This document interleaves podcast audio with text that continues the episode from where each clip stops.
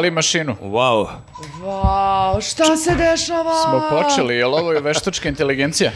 To je deo, to je deo ljudi pop kulture. To je nađeno, uh, tišina.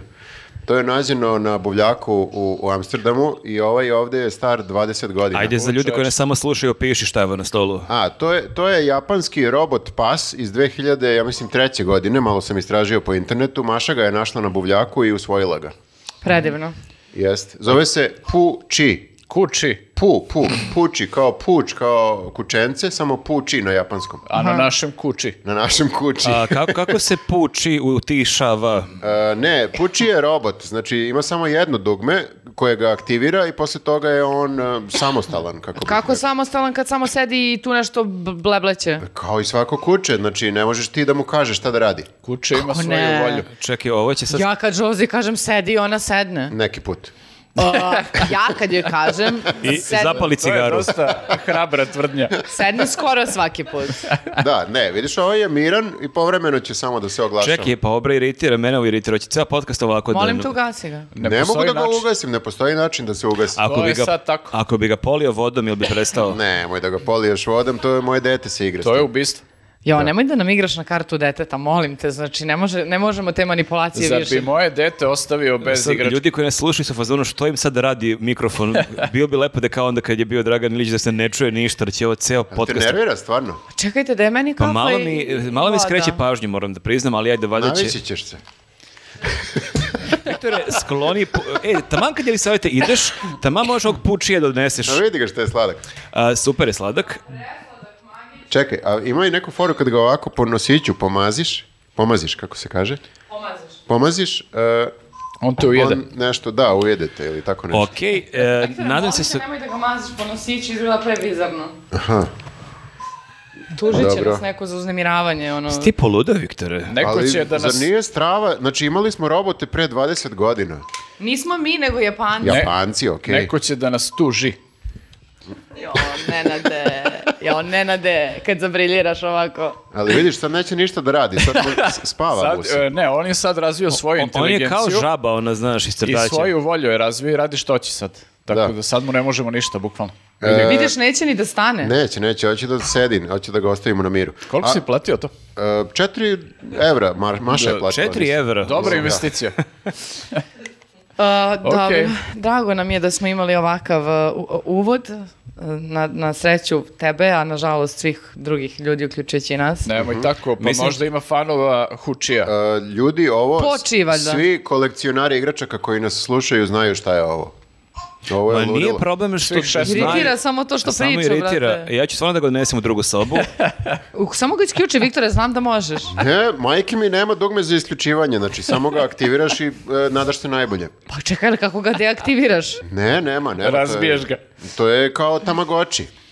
Znači, sećaš Da, se... to, ovo je inače uh, poznata igračka kao najrazbijanija Ja, igračka ti si u došao da istoriji. sabotiraš ovaj popkast, da te pitam. Ti radiš od nekog drugog.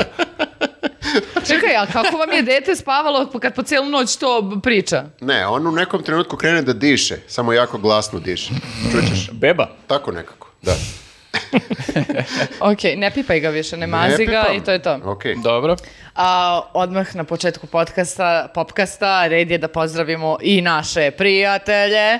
U ovom slučaju, a, ne, znači imali smo a, kocku, imali smo skocku, imali smo skockaz i sada imamo kockicu. Oni se zezaju. Pa mislim da se se bavio s nama. Ne, ali. Koliko dobro. još imaju uh, fore, koliko O- imaju reči? Ovo mi se sviđa kao koncept jer deluje onako baš ekskluzivno kao neka bombonjera. Pa jeste. Mislim, to je verovatno nešto fancy unutra. Jeste. Mislim da ćemo morati u toku Morat ćemo da, probamo jer otvorimo. nismo probali. Ne samo tako to, da- nego nekako deluje kao neki reprezentativan poklon da odeš da se ne obrukaš. Jeste, ovo ovaj, e, bukvalno umjesto bombonjere možda odneseš sad na, kada ideš na slavu i tako. Što Tašti. dobro deluje na slici, čoveče. A, znači, e, vo- ako ste voleli a, regularnu kocku... Izvini, ja čujem samo ovo. ja moram da ga sklonim tamo, vi pričate dalje. Ne mogu se fokusirati na Teodore. ni nešto. Ajde. Teodore, Evo, odnesi ga na terasu, bit će tamo, e, psi treba da budu na vazduhu. evo, to je tačno. Ali nemoj ga na kišu. Dobro, a, šta sam tela da kažem? Da, tela sam da kažem, ako ste voleli plazma kocku, onda ćete plazma kockicu obožavati. Zato što ste mali zalogajčići koji možete bez problema odjednom da, uh, Da stavite. hamzite. Da hamzite, jeste to. Ta reč. Ta reč falila. Hamziti.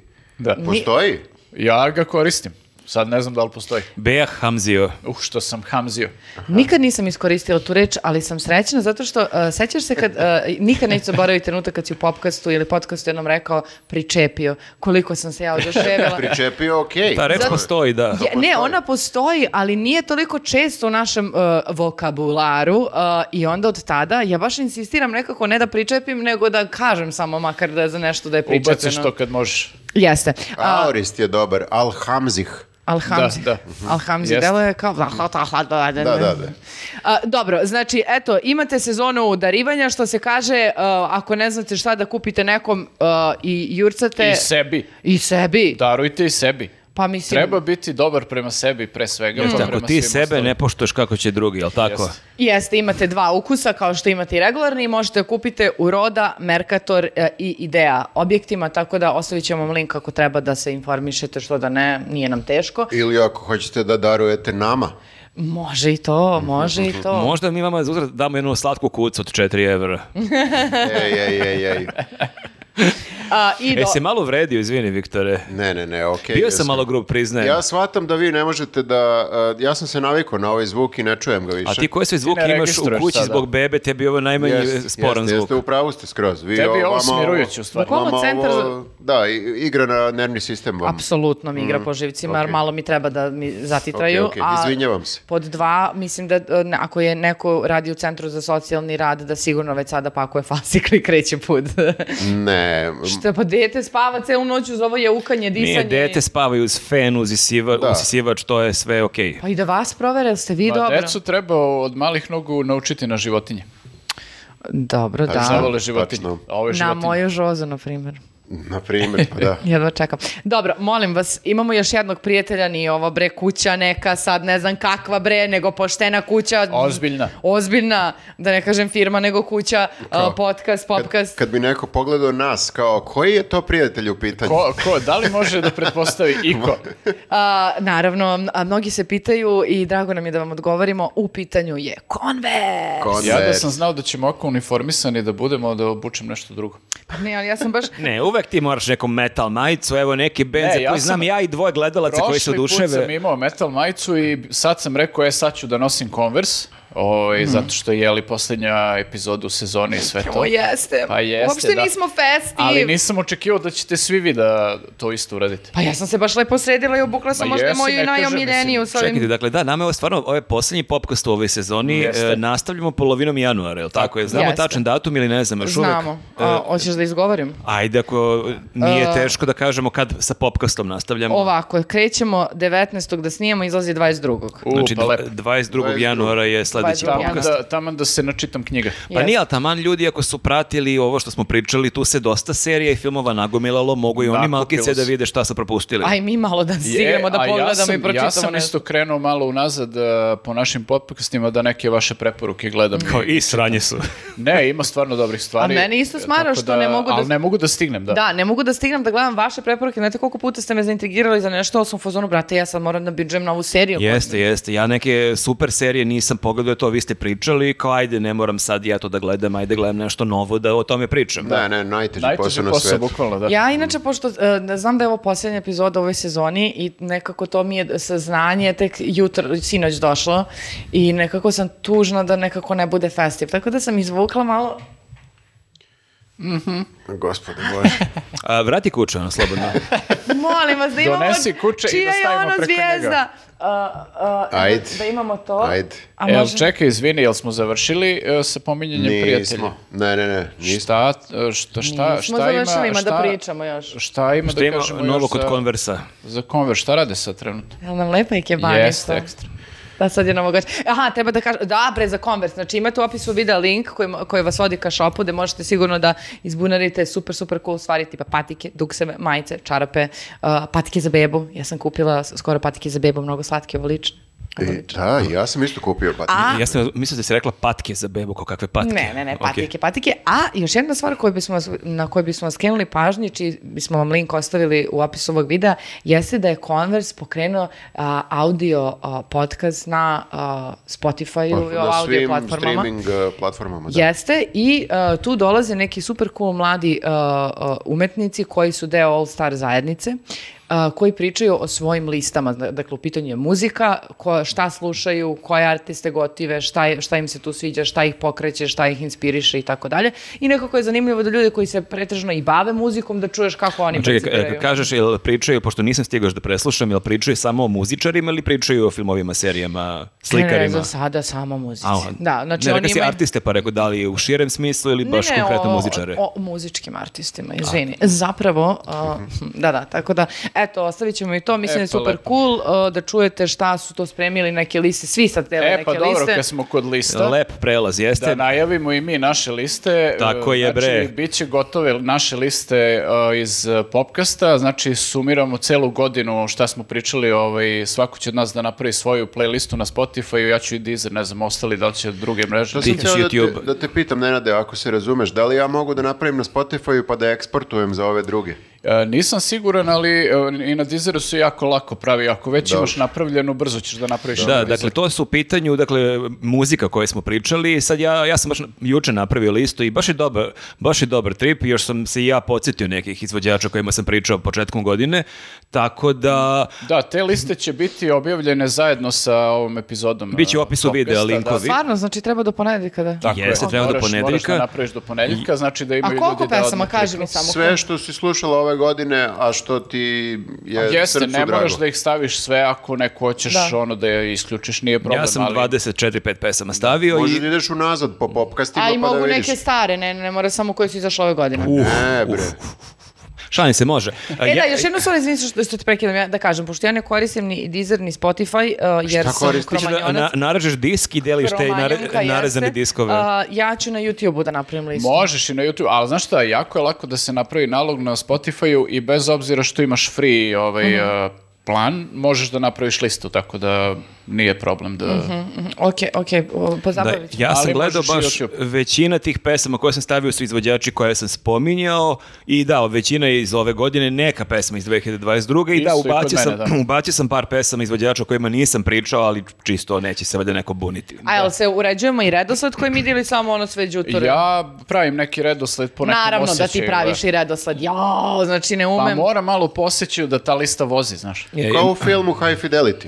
Ne možeš da imaš bilo kako. Da, bilo ali ovaj, ja ću gledati verovatno do kraja godine, možda početkom januara, da napravim jednu listu albuma koji su po nekom mom mišljenju ono vredni slušanja u ovaj a da su iz 2023. godine i to ćemo da šerujemo u nekom trenutku na Bravo. mrežama da ko hoće da sluša da to Jeste. će bude malo ka- šire od ovoga. Moram kažem da su ovo bili ideje nekih naših gledalaca koji su se uglavnom odnosili na Nenada, da traže od Nenada da to uradi. Zašto od Nenada je? Pa i onda mi sam- slušamo neku muziku. Onda sam pomislio što bi samo Nenad to Ne, ne, radio. sve liste su dobre stvarno. Ja sam gledao ovu Markovu, ima tu stvarno zanimljive muzike i svako će da nađe nešto što mu više odgovara po senzibilitetu, tako da eto. E, to, to da- mi da da darivamo bude- naše gledaoce. Jeste, ajde, možemo imam- tako da kažem. Nenad će da nas ocenjuje još, imam strepim, ona šest pesama od Ja sam, Miley ja sam, Cyrus, ja pet sam položio kod, ja sam položio kod Nenada. Ja da neću, kakvi. Jo, dobro, okej. On je strog ali pravičan, to je dobro. Tremica. dobro, da počnemo. Jel krećemo od filmova? Čekaj bre, nismo pozvali naše gledaoce da nas podrže na YouTube-u, na Patronu, pa to ne može se to zaboravi. Ne Moramo može. da kažemo da se I da im se zahvalimo. zahvalimo. Se zahvalimo brojke stvarno rastu i hvala na tom poverenju. E, održali su nas. Je, I e, Bukvalno. njoj si hvala. Da. A, Pogotovo što imamo neke nedelje kad nemamo prijatelja u podcastu i to nam stvarno znači i hvala Mhm. puno svima koji su nas podržavali u ovoj godini i koji će nastaviti sledeće. Ako, neko- ako ne možete, izvinite, da nas podržite svojim uh, novcem, možete da nas podržite svojim subscribe-om, to nam isto mnogo znači. to nam baš, baš dosta znači. To a, i je nekako, da, da doakam ovom algoritmu. a i nekako lepo je kad vidiš koliko te ljudi nekako podržava, nekako to je i neka potvrda, kao, e, super radiš. Kao, ti vrediš kao ličnost. ka- kao, Kao ljudsko biće. kao ljudsko biće, kao Da, čovjek. da, da, dobro, I da. naravno, molim vas, sada će od sledeće nedelje ćemo se malo više kretati po gradu mo- i tokom praznika. Stvarno? Čekaj, Molim vas, nastavite da se javljate, to nas uvek obraduje i da se slikate sa nama, to nam znači. Jeste, ja sam se slikao sa nekoliko ljudi, ispoštovali su pravilo da ja moram da držim telefon, tako da, ovaj, drago mi je. Nekoliko ljudi mi je čak prišlo i reklo da su ljudi na položajima. E, meni je to isto reklo par Jeste, ljudi. Ja da. uvek kažem super, ali to bolje reci Viktoru, njemu bi to mnogo značilo. Da. Čak mi je rekao, to je jedan lik koji tebe sreće često u kraju, rekao sam slobodno imaš moj blagoslov priđe Viktor. On de, deluje uvek tako namršteno, ali nije on toliko opasan. Ja sam upoznala lika koji je prišao Nenadu u, uh, na spratu beše ili u, u zaokretu i rekao je ljudi su na pozicijama. Ispostavlja se da me taj čovjek vozio sa aerodroma i da je brat mog druga s faksa. Pa eto, viš, bio je A, na poziciji je- na aerodromu. Kako je mali svet? Znači, neverovatno, još on kao, jesi ti?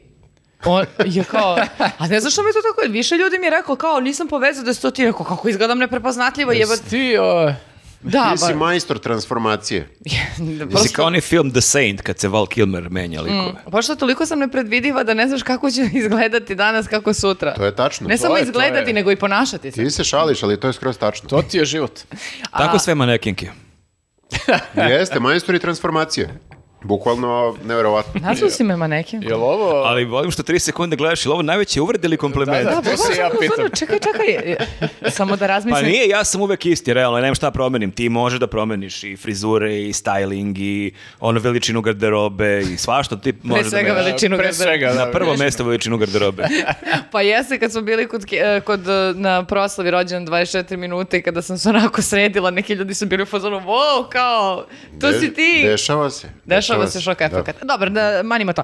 Nego, znači... Nego dosta sad u meni. Da, da, molim vas. Dosta u meni manekinki. Vratimo se na vas i na vašu podršku koja nam mnogo znači, koju je Marko pomenuo. Da, to je velika istina i nastavite da nas podržavate i u januaru kada budemo malo odmarali. i Jebi ga i mi imamo Ali dušu. mi ćemo i tada radimo.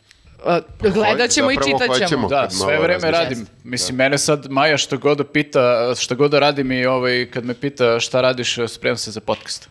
Isti, isti To slučaj. je Maša, super da. izgovor, jeste. Ja sam već Jeste. drugu, skoro treću godinu vadim na to. Da, da. I onda Maja kaže, ne, ja vidim na treći sat već igraš igre ono, na, na konzoli. Pa nekad ćemo pričati o igrama. Da, bit će i to, moram malo da igram prvo. Gospode, jo, te vas. Pusti ga, Majo. Znači, sve je okej. Jeste, to je sve jeste. za... Bukvalno medalje bolje- za ali vaše bolje- žene. Ali šta, a koja je druga opcija? Šta da ide po kladionicama, po kafanama? E, Ovo je najmanje zlo. Ovo je najmanje dečko. zlo. Jeste, stvarno. A, po- po- molim vas. a, to su klasične manipulacije koje su provaljene. Nisu, nisu klasične, ovo su inovativne Da, manipulacije. ovo je malo novije. Bukvalno najstarije od svih. Šta hoćeš? Hoćeš da ideš po kafanama, da, hoćeš da po kafanama da se opijam, jel to hoćeš? Jel ti smetaš sam kući i gledam i- igrice? Jel bi više volila da se drogiram sada? Tako je, tako je, tako je, I bukvalno. Maja kaže da. Molim te. Da, ovaj, kao pravi muškarac, a ne tu ko neki I tinejdžer Nenad igraš ode igrice. odmah dole ispred zgrade, ono... ono Ovaj lik što diluje ono Eksere. pred, pred koncerte, da.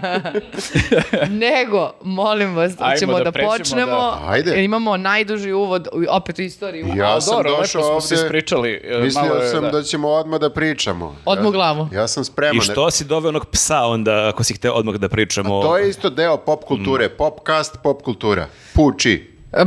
Uči. A, filmovi. Filmovi. Zar nisu uvek serije prvo? Pa, mislila sam malo da budemo Ajmo malo kao... da izludujemo danas. Ajde da izludemo.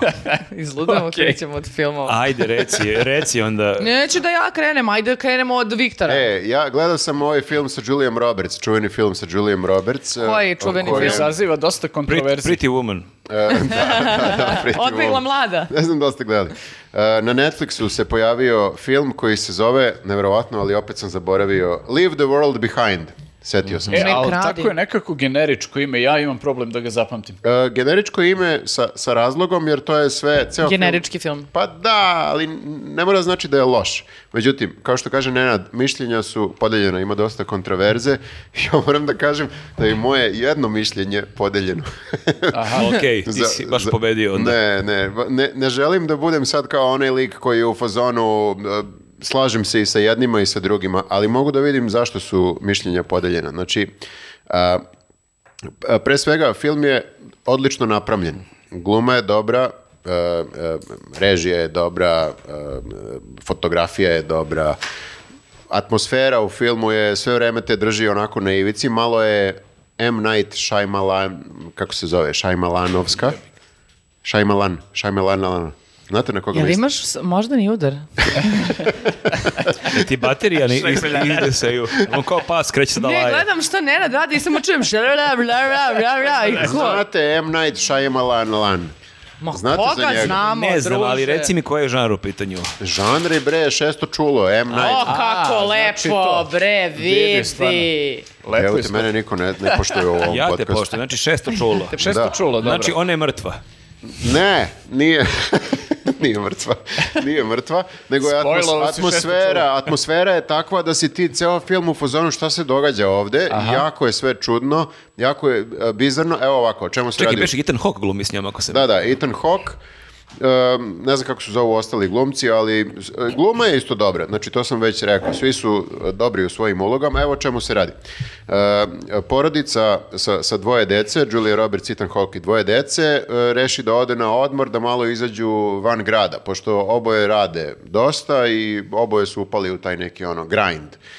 Svako, Grind, jo, koliko si modern sa tim izrazima. E, a ti što se ove prate neke artiste, molim te. Dobro, okej, zaslužila sam, idemo dalje. hvala. E, e, e, upali su u, taj, u tu neku i sad kao hoće da se malo izdvoje iz grada, iz, al, iz Njujorka, ja mislim da je Njujork u pitanju, neki, Iz grinda. hoće da se izdvoje, malo izoluju iz grinda, da, se, da izađu iz grada. I e, Julia Roberts nađe preko Airbnb ili čega već neku kuću koja je... Koliko si detaljan i ona nađe kuću preko Airbnb. Pa ne, ne. Jer je za priču Ali slušaj. Airbnb, ako je booking, o, pro- Ali slušaj me, jeste bitno za priču zato što e, ti govori o svim tim nekim e, tako blagodetima modernog društva, zato sam namjerno rekao Airbnb. Izvini, samo jedna digres iz Airbnb. Kako se zove ovaj komi- komičar kog si spomenuo prošli put? Uh, o- Birbilija. Da, Ili da, pizza. pa, pa ona fora za Airbnb. There's no breakfast, but there's one letter. Kao, there's no B. Airbnb. Kao, Jeste, nema, jeste. nema tog bija. Da, nema, da. Ja čak znam e, kako je Airbnb dobio ime, ali nema veze. Ne, to sad nije bitno. Što, aj podeli, ne možeš da ostiš takav teaser. ovo će biti očigledno šestočasovni A ova podcast. dvojica koji su ga osnovali, Airbnb, su došli... Ben i Bill. To ti je rešio. ne. ne, ali ajde, recite mi, jel znate zašto Air? A, zato što je aplikacija, to je sve cloud, to je nešto tamo. Dobar pokušaj, ali nije tačno. Znači, bili su, e, bili su e, iznajmili nekome svoju sobu ili su oni kod nekoga spavali na e, dušeku ovom koji se napumpava. A, Od okej. vazduha. Od va- napumpava se vazduhom, da, tačno. E, ali oni su očigledno dobili doručak. Bread and breakfast. Pa bed and breakfast je nekako skraćenica za Ali ne, bilo šta. nema, stvarno nema doručka. To Nema, me nisam nema. razmišljao, Da, to je prevara. prevara, da. Nema, nema. Ok.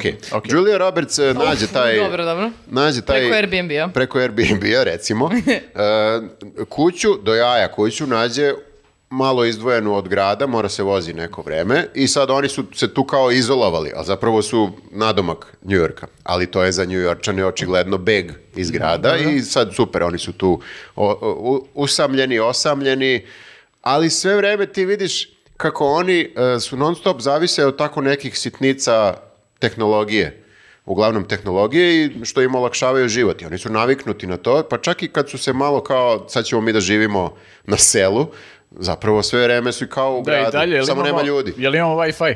E, Da, to je. i uglavnom e, šta, šta se dešava? Kreće se dešava neka katastrofa. Znači oni su sad tu odsečeni malo od sveta, ali je, zapravo su jako blizu i nestaje internet, nestaju telefoni, počinje i struja polako da, da nestaje. Znači nešto se dešava, a oni ne mogu da provale šta. I fora je što čim nestane internet i nestane, nestanu telefoni, nestane televizija kablovska, ti ne možeš ništa da... da Ne znaš šta da radiš. Ne znaš šta se da. dešava. Znači ovo je kao film katastrofe koji prati jednu porodicu koja ne zna šta se dešava. Ali katastrofer nemaju Wi-Fi. I, kat, i, I katastrofa je što nemaju Wi-Fi i katastrofa je što ne radi sateliti pa ne radi GPS. Što sam se ja lično malo ovako kao, e, tu me je štrecnulo, zato što meni se dešava da zavisi mnogo od GPS-a kad bilo gde idem i sad jedan, mislim, neću po- Jer ne želiš da pratiš uh, znakove pored puta. Nije to, ali stvarno je to... kad sam- Navikne se čovek, Znaš, kad mi, uljuljka kad se. mi majka priča to, odeš kolima ono, u Ženevu i kupiš mapu i tražiš Da, ono da, G4 da, da. i tražiš gde je ulica, Pakao, pakao. Ja pakao. stvarno se divim tim generacijama kako su spevale. I mi smo se odvikli od toga, znači mapa da kupiš sad, ko da kupiš ploču. Mapa, mapa, mapa. Alo, alo, šta fali počamo? Pa da. Uglavnom, to, e, e, čovek, ovaj muž, ode negde da se raspita šta se dešava, ali pošto ne radi GPS, on se izgubi. Dobro. I kao ne, u- uopšte ne dođe do bilo Ali meni ovo koje... se zvuči kad ti pričaš kao da to ne polukomično, to nije polukomično. Jeste, jeste, jeste, ima malo nekih, ajde kažemo, komično-satiričnih e, momenata i jeste sve kritika društva, mislim najbazičnije moguće, mislim da je zato negativni e, komentari, zato što je vrlo e, jednostavna metafora.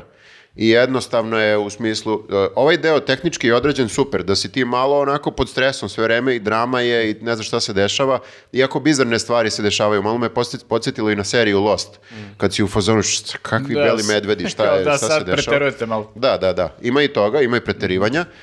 E, i, a mislim da je ovaj negativan deo dolazi zato što je providna ne providno, nego jednostavna prvoloptaška metafora i u fazonu si pa dobro, ok, zavisimo od tehnologije, zavisimo od toga i u ljudi Da, znamo svi kao da. Znamo. Čekaj, šta je poenta filma? Pa neću da spojlujem Da sad. treba da Mislim, naučiš da gledaš u zvezde. Da budemo upućeni jedne druge. znači gledaš mahovinu Da i to se e, za... E, Da, da, da, ima i toga. Da Moramo da budemo upućeni jedni na druge. Jer kao ti, on, ti vidiš da su oni jedna e, viša srednja klasa i odmah kada dođu tu na selo, po znacima navoda, vide nekog e, redneka, opet po znacima navoda, koji je doomsday prepper.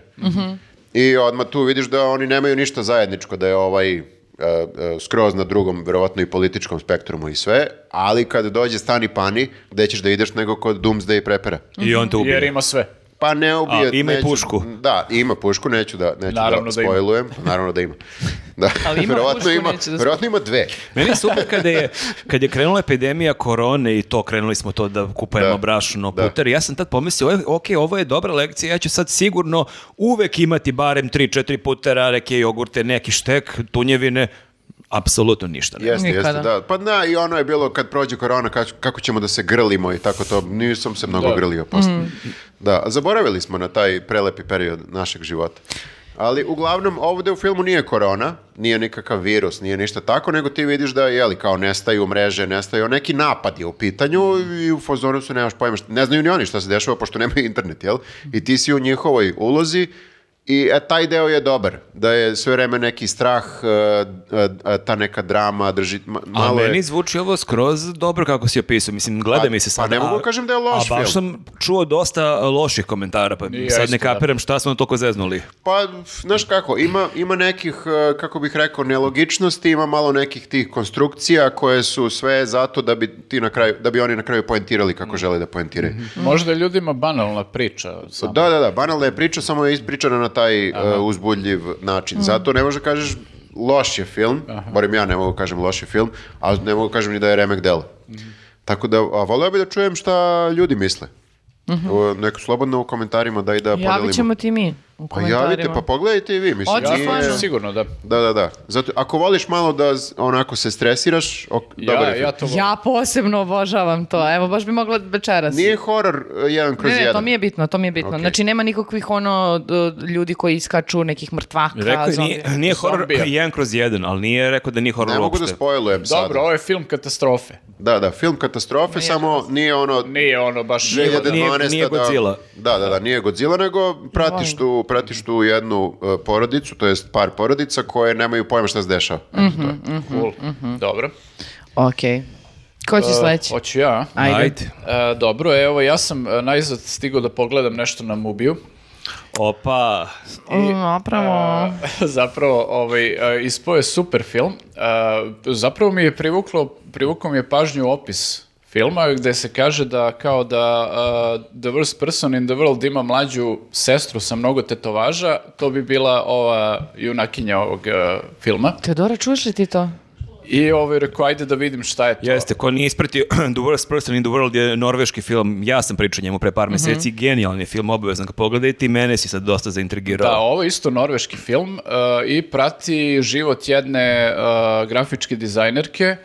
Uh, ona je milenijalka tih je godina i malo je onako ovaj, uh, opuštena što se tiče i noćnog života i uh, menjanja partnera i svega toga i kao realno je njen život mimo toga dosadnjikav, ništa se posebno ne dešava.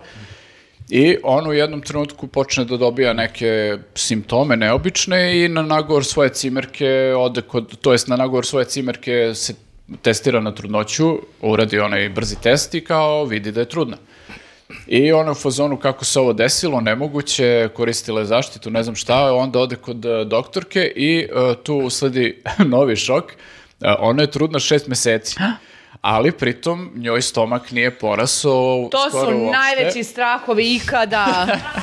I didn't know I was pregnant. To su naj... Na, na, na, na, na- Ona, ona bukvalno to nije imala predstavu da se to dešava, jer kao takva je neka konstitucija i to kaže doktorka, to se dešava ponekad takvi slučajevi i kao eto, ali to je, Ovdje je sad veći strah od ovog horror filma.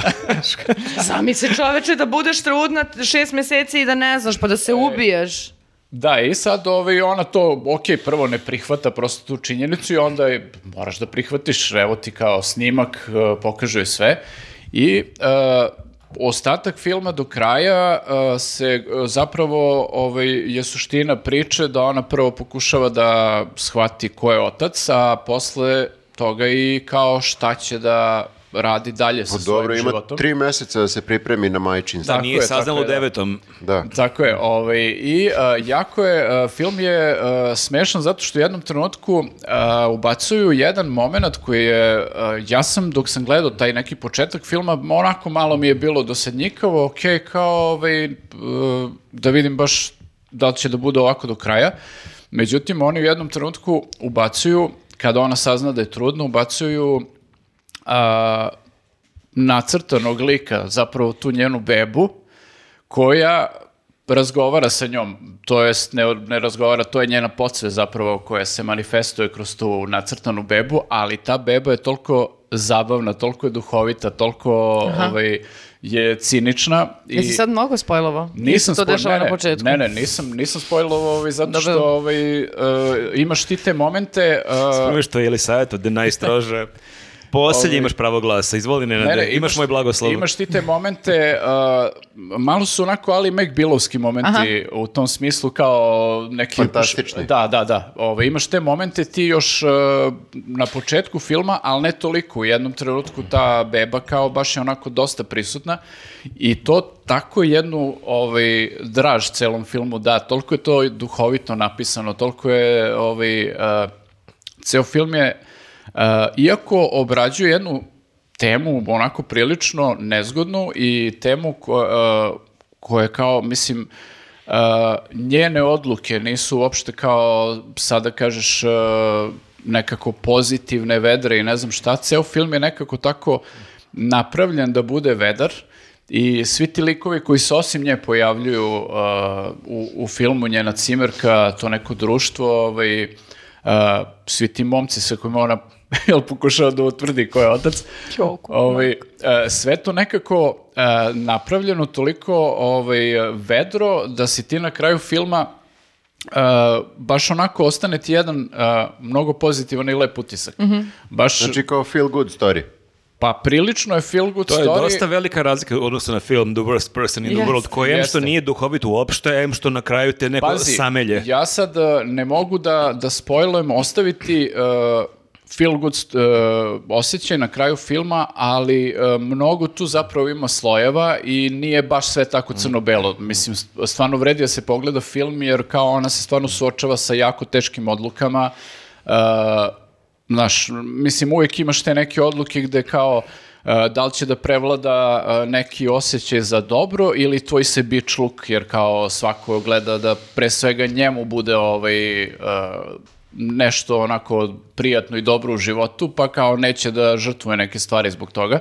Tako da ovaj, ima dosta tih nekih teških odluka i generalno njen život onako realno kad ti pogledaš e, nije baš e, reprezentativan u smislu da je ono neka e, svetica ili ne znam šta, ali zapravo pretpostavljam da je to samo jedan običan život po ono mladog čoveka danas. Apsolutno. Tako da... Tako je, bre, ima pravo, njena odluka, njeno Tako telo. da, jeste taj neki vibe ceo i kad završiš film, jeste feel good ono i sve to, ali baš nije crno-belo i ima, ima tu ono, i uspona i padova, ali stvarno je mnogo dobar film. Da, Norvežani stvarno imaju dobre filmove i Mene dobre ovo- filmove i dobre serije. Ja moram samo se ne dovežem kad si rekao in the World da sam pre nekoliko dana pogledao prethodni film tog reditelja, zove se Joachim Trier, breše.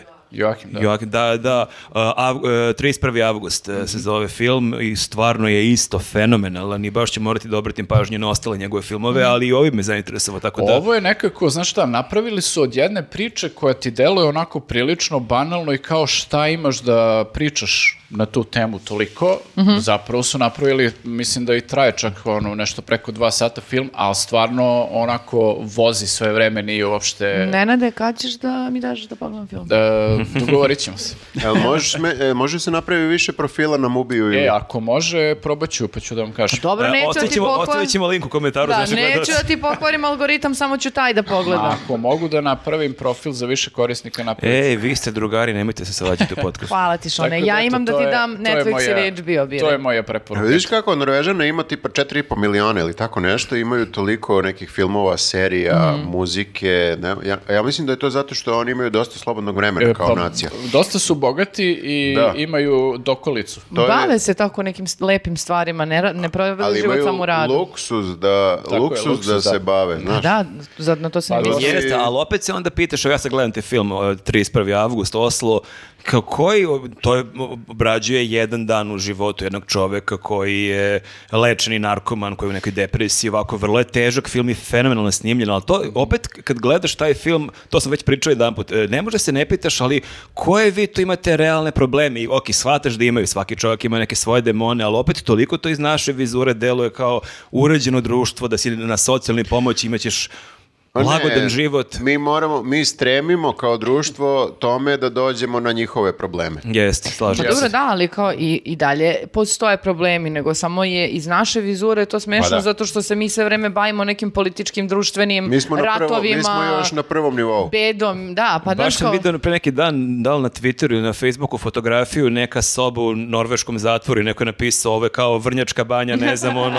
100 Hotel evra, Breza. Bukvalno, ono, koliko, koliko da. zvezdica, da, da, da. Pa dobro, ali nemaš, ti tu ne- nemaš slobodu. Znaš, u Vrnjačkoj banji izađeš napolje, udašnjih vazduh. E, ali oni su tamo svesni i uh, uh, sećate se da sam davno pričala, sam gledala onaj dokumentarac od Mura uh, koji je se bavio pitanjem zatvora uh, Aha, po da. celom svetu kako bi se zapravo ispitalo zašto je stopa povratnika u Americi toliko velika.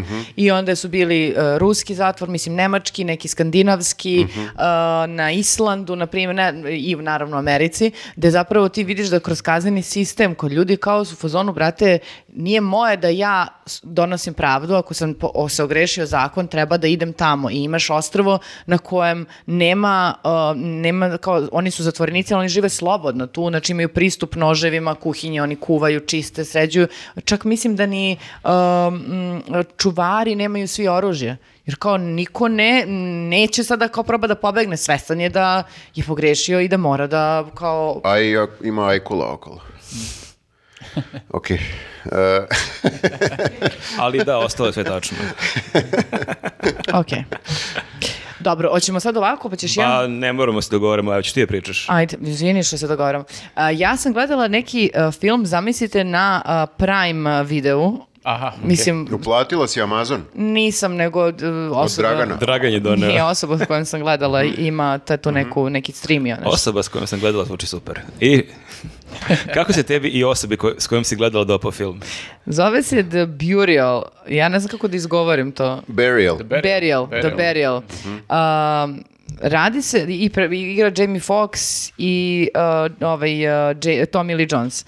Uh, I prvo, uh, ja kad sam po traileru, on, znaš ono kad po traileru vidiš da će biti dobar film, zato što je uh, prvo gluma Jamie Foxxa toliko dobra, on je toliko se razigrao, igra nekog advokata koji, se, koji nikada nije izgubio slučaj u posljednjih ne znam koliko godina, ali se u suštini uh, vrlo uh, igra uh, na, na slučajeve koji su neka vrsta socijalne nepravde, neko je ugrožen kao rasizam, socijalno ugrožene grupe i tako dalje. Međutim, dolazi mu Tommy Lee Jones, koji je čovjek koji ima, na primjer, nešto 15 dece, nasledio je um, ovu firmu za uh, sahranjivanje i ta kao osiguranje i tako to. Međutim, ovi jedni su kan- neki kanadjani, velika korporacija, tela da otkupi deo, i, jer je on upao u neke financijske probleme I onda su oni odugovlačili, odugovlačili toliko da je on faktički došao do propasti. I on je odlučio da tuži tu veliku korporaciju uh, zato što je kao tendencijozno želela da uništi malog uh, lokalnog, uh, jel te, neku malu lokalnu firmu, a da oni kao velika korporacija zauzmu i tu teritoriju.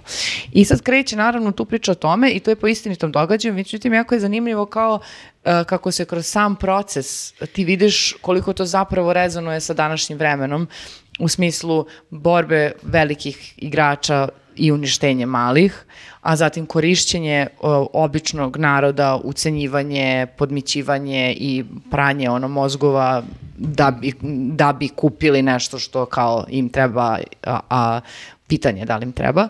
I naravno pitanje ono rase, klase i tih borbi koje su bile zastupljene i ta, to je na primjer nekih ne znam sad lupam možda 90 80 kraja 80-ih 90. godine ta, tamo izvinite ako sam pro, promašila ali kao ti vidiš da to apsolutno kao priča rezonuje rezonuje i Čekaj, danas. i Jamie Foxx mu onda pom- pomaže? On, je njegov ubedi- klijent. Da, o, dž- ovaj Tommy Lee Jones odlazi kod Jamie Foxa i u fazonu je, brate, ovo je prilika za tebe. Jer kao oni nemaju ništa drugo, oni znaju da su u loše poziciji i treba im neko najbolji. On jeste najbolji, međutim, on nije najbolji za korporativno pravo nego za ovo drugo.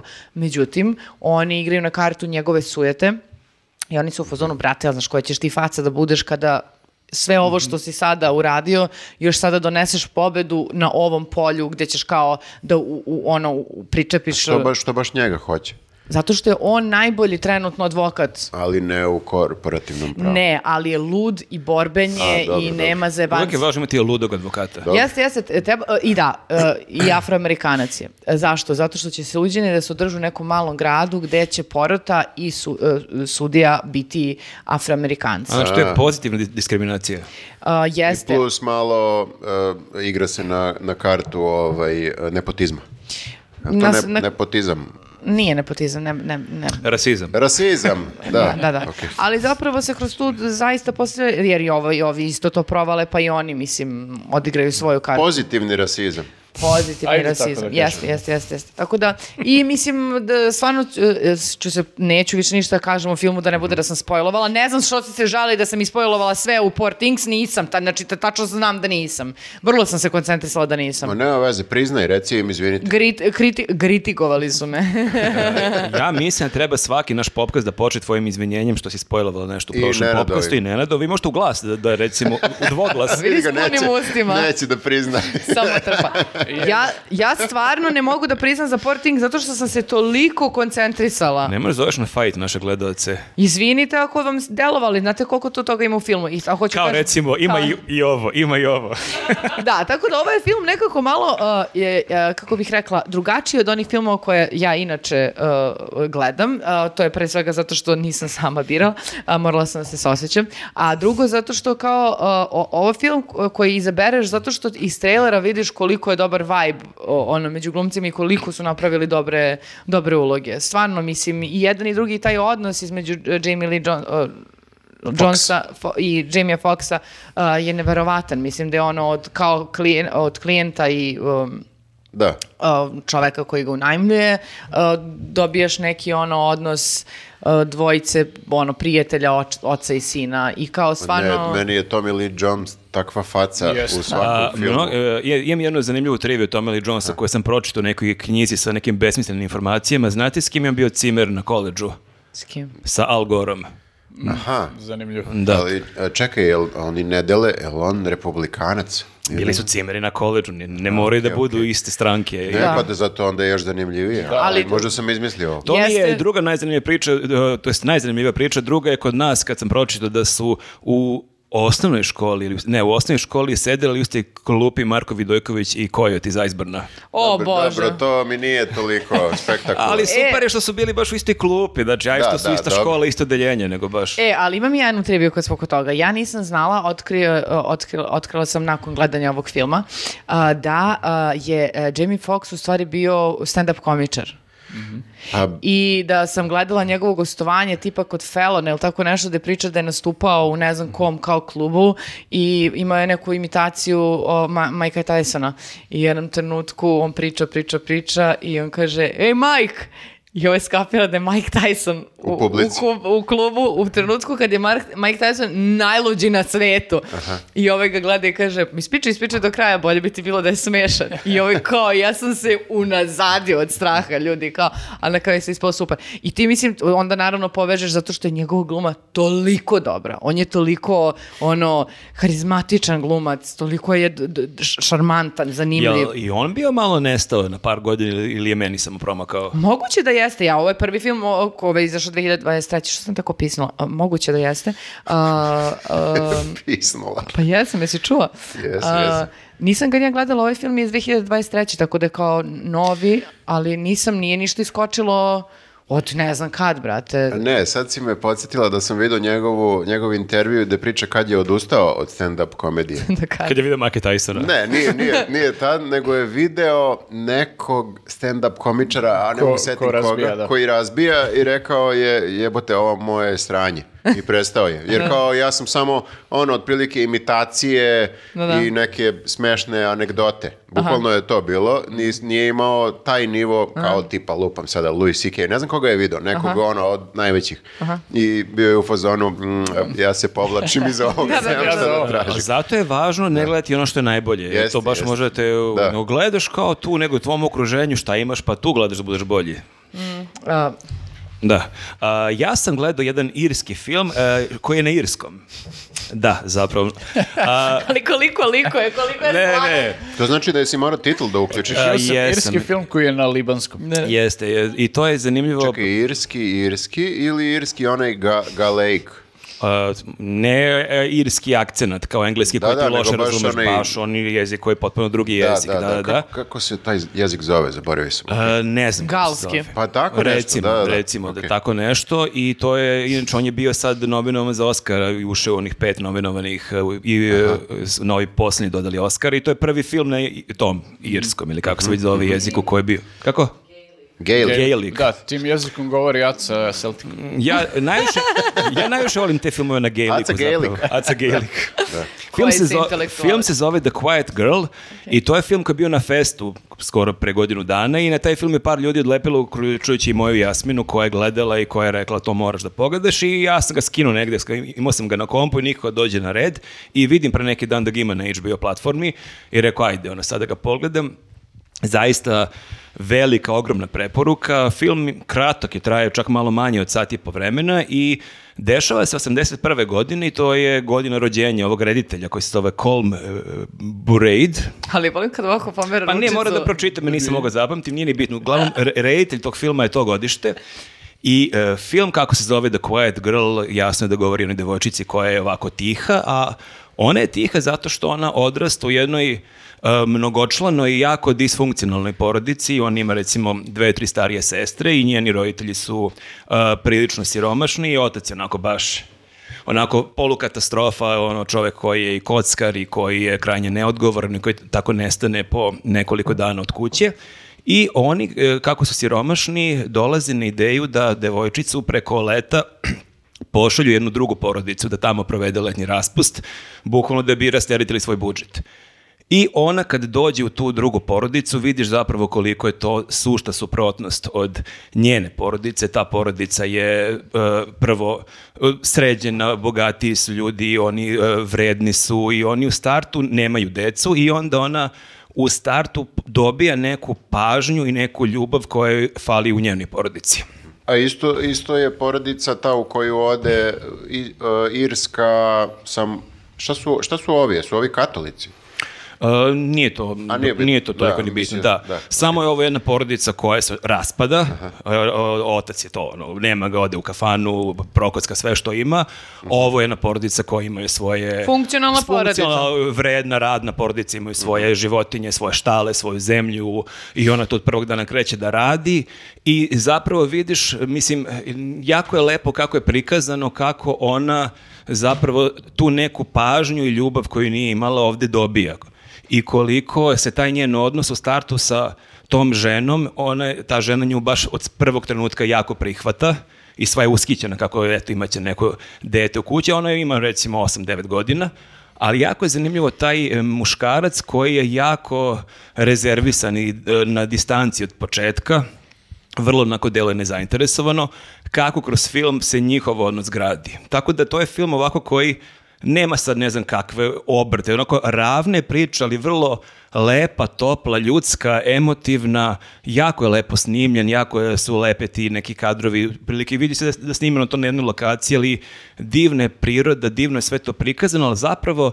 baš nekako jako lepo prikazuje koliko ljudi generalno, ali pogotovo deca, koliko imaju neki potencijal i koliko mogu da ostvare neki potencijale, koliko često ih okruženje sputava i koliko jedna osoba koja je potpuno skrajnuta, koja je ćutljiva, koja je loša u školi, koja je tako prljava, koja sedi negdje u ćošku, koja je nesnađena i u toj porodici i okruženju, koliko ona zapravo može da procveta samo ako se izmesti u neki drugi ambijent gdje će dobiti ljubav i pažnju. I podršku. Da. I podršku, tako da stvarno ovako jedna toliko lepa i emotivna priča, baš ogromna, ogromna preporuka, zaista mnogi su ga nahvalili, ima sjajne ocjene, bio i za Oscara i nije bez razloga velika preporuka.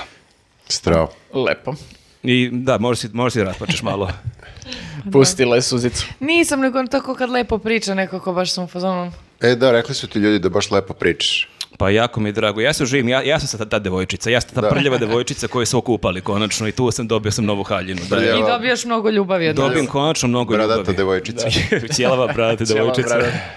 Koje ne bi poželeo. I evo, magijom montaže sredili smo uh, dekoraciju na stolu još malo. Sad je perfektno. Sad možemo da pretimo E, kako smo izvozili naše gledovace, počeli smo filmovima, ljudi. Da, mislim da ne znaju gde se nalaze sad. A, I sad prelazimo na knjige. A, hoćemo sad uh, Hoćemo serije? serije sada. Ajde, ajde. Ajde, šta ćemo istim redosledom, hoćete da Ma šaramo? Isto bre, pa isto. Ajde, ajde, izvoli Ajde da se zna neki red ovde. Gledao sam Struktura. se- seriju, nisam odgledao celu uh, sezonu još uvijek, ali je dobra, zato sam nastavio da gledam. Znači nije ono kao počnem prvu pa kao u fazonu, ne, nego odgledao sam nekoliko epizoda. Zove se serija Regrut, to jest The Recruit, The Recruit na, na Netflixu. Radi se o uh, mladom, jeli, uh, regrutu uh, CIA, Dobro. CIA, CIA snajka CIA, e, koji pratiš njegov praktično e, put u CIA od e, prvog dana na poslu i on je neki mladi, ambiciozni e, pravnik. E sad, zašto je bitno što je pravnik? Zato što on nije došao u CIA kao da bude neki, ne znam ja, ono, e, poli- Agent. Agent koji bi trebalo da ima neke skills, ono, policijske veštine ili voj- vojne ili ne znam ni ja kakve. Wow, pratimo nekako šalje fakture u cilju. Da, da, to je... Kako uzbudljivo. Tako počinje, bukvalno tako počinje, e, tako što on dođe jeli, e, u ciju i e, ode kod nadređenog, nadre- nadređeni mu kaže ovi veterani će ti dati šta treba da radiš, veterani naravno u fazonu dođe u vamo gušteru, evo ti... Gomila evo- papira. Evo ti gomila papira, tako počinje. Mastiljar. A kakva gomila papira? Gomila papira i fascikli gde razni ludaci, to- i oni to zovu kao the crazy uh, folder, razni ludaci širom sveta pišu ci i uglavnom ih ucenjuju. i Kažu ja ću da otkrijem sve što znam o vama, sve što znam o vama, ako ne uradite to, to i to. To zvuči kao super posao. I njegov zadatak je da prođe kroz te uh, fascikle i da utvrdi, oni ne mogu Koji tek je, da, koji je ozbiljan. koji je ozbiljan. Ne mogu tek tako da kažu ovo je ludak i da bace u smeće, nego kao... Ipak je to ozbiljna firma. Moraju, Ne, nego moraju ka- da provere, da. U fazonu su kao, on ih pita kao, pa koliko često se desi kao da ludak nije ludak, nego je kao stvarno, pa oni kao u fazonu, pa desi se, zato i moramo da Oni proveravamo. znači imaju prvi filter koji njih stavlja na gomilu, a on je neki kao drugi filter da vidi on, da li je promaklo nešto. Da, i naravno, šta se desi? Desi se da bukvalno ono, ne znam ja, da li prvi uh, fajl koji uzme i krene da ga proverava, vidi nešto sumnjivo. I pošto je ambiciozan, i, i e, tek je došao tu pun je elana i voli kao taj e, cija faktor uzbuđenja, iako nema nikakve, kažem opet, veštine vojne ili policijske, ovaj, e, krene da istražuje mic po mic, malo onako gura, buši kroz cija sistem koji je isto onako rogobatno birokratski prikazan tu i sami ti veterani koji su prečešljali te fascikle su u fazonu, samo su preleteli preko toga i ništa. Da, ne bave to. se ozbiljno. Ne bave se ozbiljno. I izbuši da taj jedan uh, slučaj nije ludak, nego ima nešto iza toga i sad iz tog jeli, crazy folder, uh, ničega, kreće da se razvija stvar i kreće, ide ka tome da je to neka sad najveća zavera na svetu, otprilike. I A je li u pravu ili nije? uh, ko je u pravu? Pa taj što Nemoj da klin- spojluje.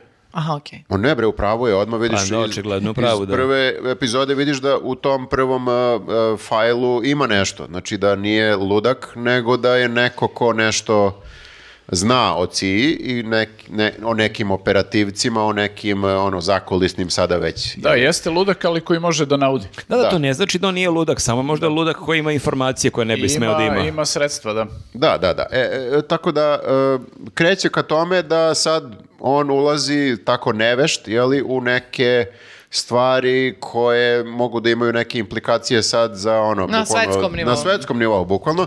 I e, dobra, to jest e, smešna strana serije je što je on, jeli, kao taj neki, bukvalno je sa, sa studija došao tu.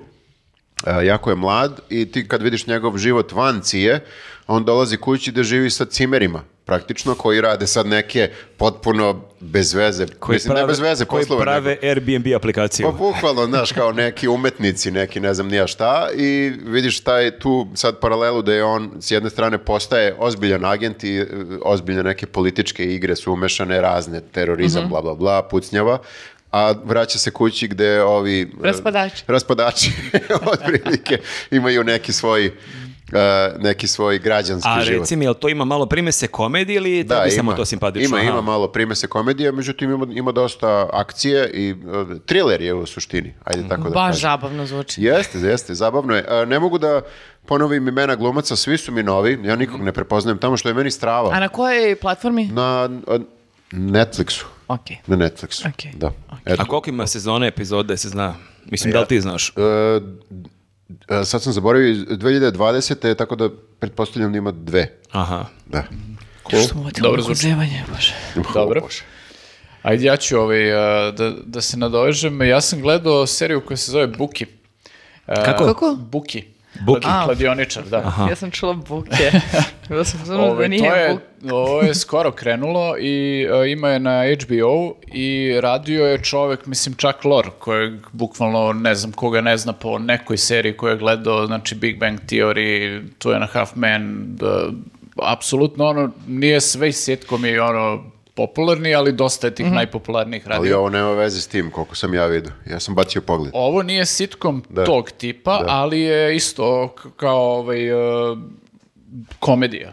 Smešna je serija i prati život jednog uh, ovaj, kladioničara. uh, njega tumači, ovaj, samo da pročitam, Sebastian Maniscalco, on je uh, Stand-up komičar. stand-up komičar. Inače, Čekaj, ali kad kažeš kladioničar, znači ne čovjek koji ide da se kladi, nego je on e, taj koji... On je lik koji uzima, Uzima pare. opklade, da. Da, On- prima opklade i prima juri opklade. posle za pare. Jeste, jeste. Da. Ovaj, e, znači neka onako dosta siva zona. ovaj, On je kao neki samostalni kladi, kladionica. Samostalni kladioničar. Pa da, da, da, da. Zamisli, tako da se kaže, zamisli, da freelance. nije, zamisli da ne ideš u kladionicu. Nego ko- ideš kod lika. Imaš Ideš kod lika, da. kladioničara. Kažeš liku, pa beđe večeras, Jeste, taj i klub. Nije, nije dobro da mu ostaneš dužan, jer kao kladionica obično neće ti polomi noge ako je ostaneš dužan neke pare i ne može da još ostaneš dužan, ali ovaj hoće. A čekaj, može verovatno i kladionica. Pa dobro, verovatno. To mi ne znamo. Piše sitnim slovima Da, u da, da. Uglavnom, Za to nemaju reklamu. on ima tu jednog ortaka koji je bivši sportista NFL, mislim da je u pitanju, koji je onako grmalj. A čekaj, koji- izvini, molim te, izvini što te prekidam. Znam šta je razlika između ovog lika i kladionice. Ti ovom liku možeš da daš pare koje nemaš. Kladionici ne možeš, kladionici Jeste, moraš, moraš da da nosiš platiš pare. odmah, da. Odmah platiš i to je to, izgubio ima, si. ima to veresija, kao ajde dođem ti. ono. E, veresija je Jeste. zajebana. E, ima taj fazon, ali sad e, njegov problem u celoj priči je što su se malo ovaj, e, e, jel, modernizovala vremena. On je, mislim, čini mi se da je kao kontekst da je on bio u nekom zatvoru pa je izašao u nekom trenutku i sad prosto nastavlja da se bavi svojim poslom. I, e, Normalno. Da, sad normalno je sve. problem? To me E, posjeća malo na onu, priču, na onu seriju sa k- k- Tulsa men zvalo, kad on isto Da, tako da, jeste, zatvora i jeste, kao, aj sad, malo je nesnađen, samo ovaj nije toliko nesnađen u tom novom I nije svetu, toliko zajeban, toliko- verovatno. Da, nije ni toliko zajeban i nije toliko dugo bio odsutan, ali on sad, znaš, ovaj, e, već primećuje tu neke stvari su se promenili i on sad mora malo i svoj posao da prilagođava svim tim novim okolnostima. Nova okolnost je tipa da mu je ostao ovaj, lik duža neke pare i on odlazi kod njega da, da mu traži pare, da mu naplati pare, međutim lik je umeđu vremenu promenio pol i postoje jako agresivna žena i prebije ga. Tako da, ovaj, to su nove okolnosti sa kojima se suočava. Da, da. Ovaj, ima tog drugara koji jel, ovaj, uh, ide sa njim, on je tako malo, ovaj, ovaj nije krupan, znaš, to je malo problem u tom poslu i sad mora da vodi ovog drugara koji jeste da bi imao ovaj, uh, jel, Aha, potporu. sredstvo za, za ovaj ubeđivanje. Uh, ima sestru koji, uh, sa kojom je inače taj njegov uh, ortak u nekoj polu vezi, ni- nedefinisano je šta rade i da li su ozbiljni ili nisu ozbiljni, a sestra isto luda ko struja.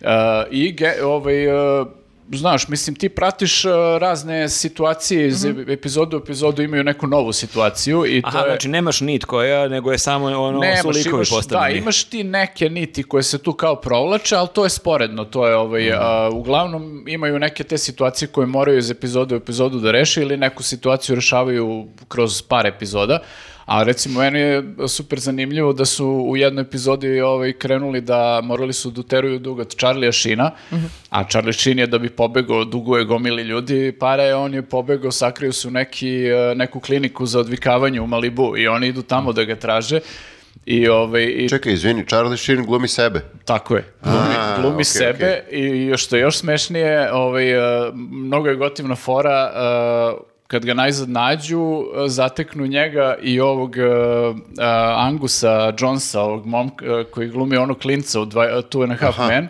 A čekaj, aha, za te klinac nije postao neki f- radikalni Je- jeste, hrišćani jeste nešto. i mene je jako čudno da je pristao na ovo. Mislim, da li je ovaj Chuck Lorre sa kojim je radio 100 godina, da li ga je ubedio ili mu je dao neke baš dobre pare. Uglavnom, Radikalnim hrišćanima trebaju pare. da, ovaj se pojavljuje tu kao u sceni gde kao igra pokер sa Charlijem u, tom, uh, u toj klinici za odvikavanje. Da možda Aha. nije više toliko radikalan onda. Pa dobro ljudi, to je samo lik možda. To ali- je fora, čovjek ima smisao za humor. Da, da, ali on je baš, koliko sećam, i kajao se što je opšte glumio u toj Jeste, jeste, seriji. da, on baš ima sad problem što uopšte se pojavljuje u toj seriji, baš je onako ogorčen zbog svega i ovaj, tako da i mene baš iznenadilo što, što ih ponovo vidim zajedno i pritom je opet neki tako A na malo... kom je? Na Netflixu ili- Ne, na HBO. Na HBO. Ovaj, I opet je malo neki diskutabilan kontekst i tu je Charlie Sheen koji je ono Charlie Sheen, jel? Da, da.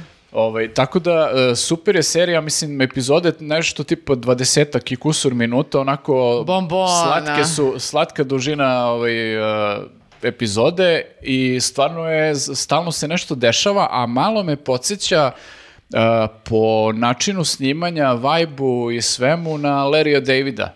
Taj neki fazon snimanja, onako dosta spontan. Jesam e, dobro je vidio da sad o, izlaz- izlazi neka nova sezona Larry Davida. Ja mislim da da, ko ovaj Curb and Your Enthusiasm ili neka Larry dva- David, ne znam šta 20. je više, epizoda da. koja je Mene, sezona. mene je podsjetilo na, na Atlantu. E, ne znam e, da li sam da, da, da. Jel to sa Jeste, Ča- jeste. Childish Gambinom? Jeste. Da, nikako to nisam Jeste, malo gledam. podsjeća na Atlantu, samo što je Atlanta malo, čini mi se, ozbiljnija, ovo je više ovaj, komedija, ali uh, taj neki onako, ovaj, uh, nekako, kao da si sa njima, imaš taj utisak, takva je A jel režija. samo jedna sezona ili? Za sad je jedna sezona, mislim, to je, ja mislim da je izašlo do sad nekih uh, sedam, osam epizoda eventualno. Divno, to ću sigurno pogledati. Tako da je onako dosta je zabavno i stvarno imaju te neke, uh, dosta imaju tih nekih referenci, to je sad ovaj, vidim često u novim, novim serijama da imaju reference na Vogue kulturu i na ceo taj ovaj, cirkus koji se oko toga ispreda, tako da imaju često fore neke vezano za to. Zanimljivo kad ste spomenuli Atlantu kako sam e, gledao i to baš sam zapazio i nama se često dešavalo kad smo se počinili da se bavimo njuzom, kada nam padne neka ideja na pamet i onda se neko javi e, kao to i ukrali ste od mene ideju. Ili kako, shvatiš da zapravo ista fora može da padne na pamet nekolicini ljudi? I baš kad sam gledao Atlantu ima ista scena koja i sad mi stava mozak kako se Afterlife sa Ricky Gervaisom i ima ista scena, ne znam da li ste gledali obe serije, kada on sa klincem hoće da ide da kupi neku hranu i hoće da uzme ovi dečiji meni, ali neće da mu prodaju zato što nije dete. I onda imaš tu debatu, bukvalno identična scena što uopšte pretpostavljam da niko to nije ni od koga ukrao, nego jeste E, sigurno samo, da. je nekolicini ljudi palo na pamet Da, da. kao što ja mogu da platim ovo za svoje dete, ne mogu ja to da platim istim novcem za sebe, kao zašto neko gleda ko to jede. Jeste. Da. Tako da, eto, to je preporuka za seriju, stvarno je dobra ko voli komediju, znači nije klasičan čak lor, ovaj, e, nije sitcom, ali je komedija i to jako dobro napisano. I koliko ima sezona, izvini? Pa Jedno, za jedno. sad samo jedno. Za sad Ne samo slušaš jedno, kolegu to šta je, nova je, da. Da, nove. Uh, dobro, uh, i ja sam pogledala jednu klasičnu Netfli- Netflixovsku seriju.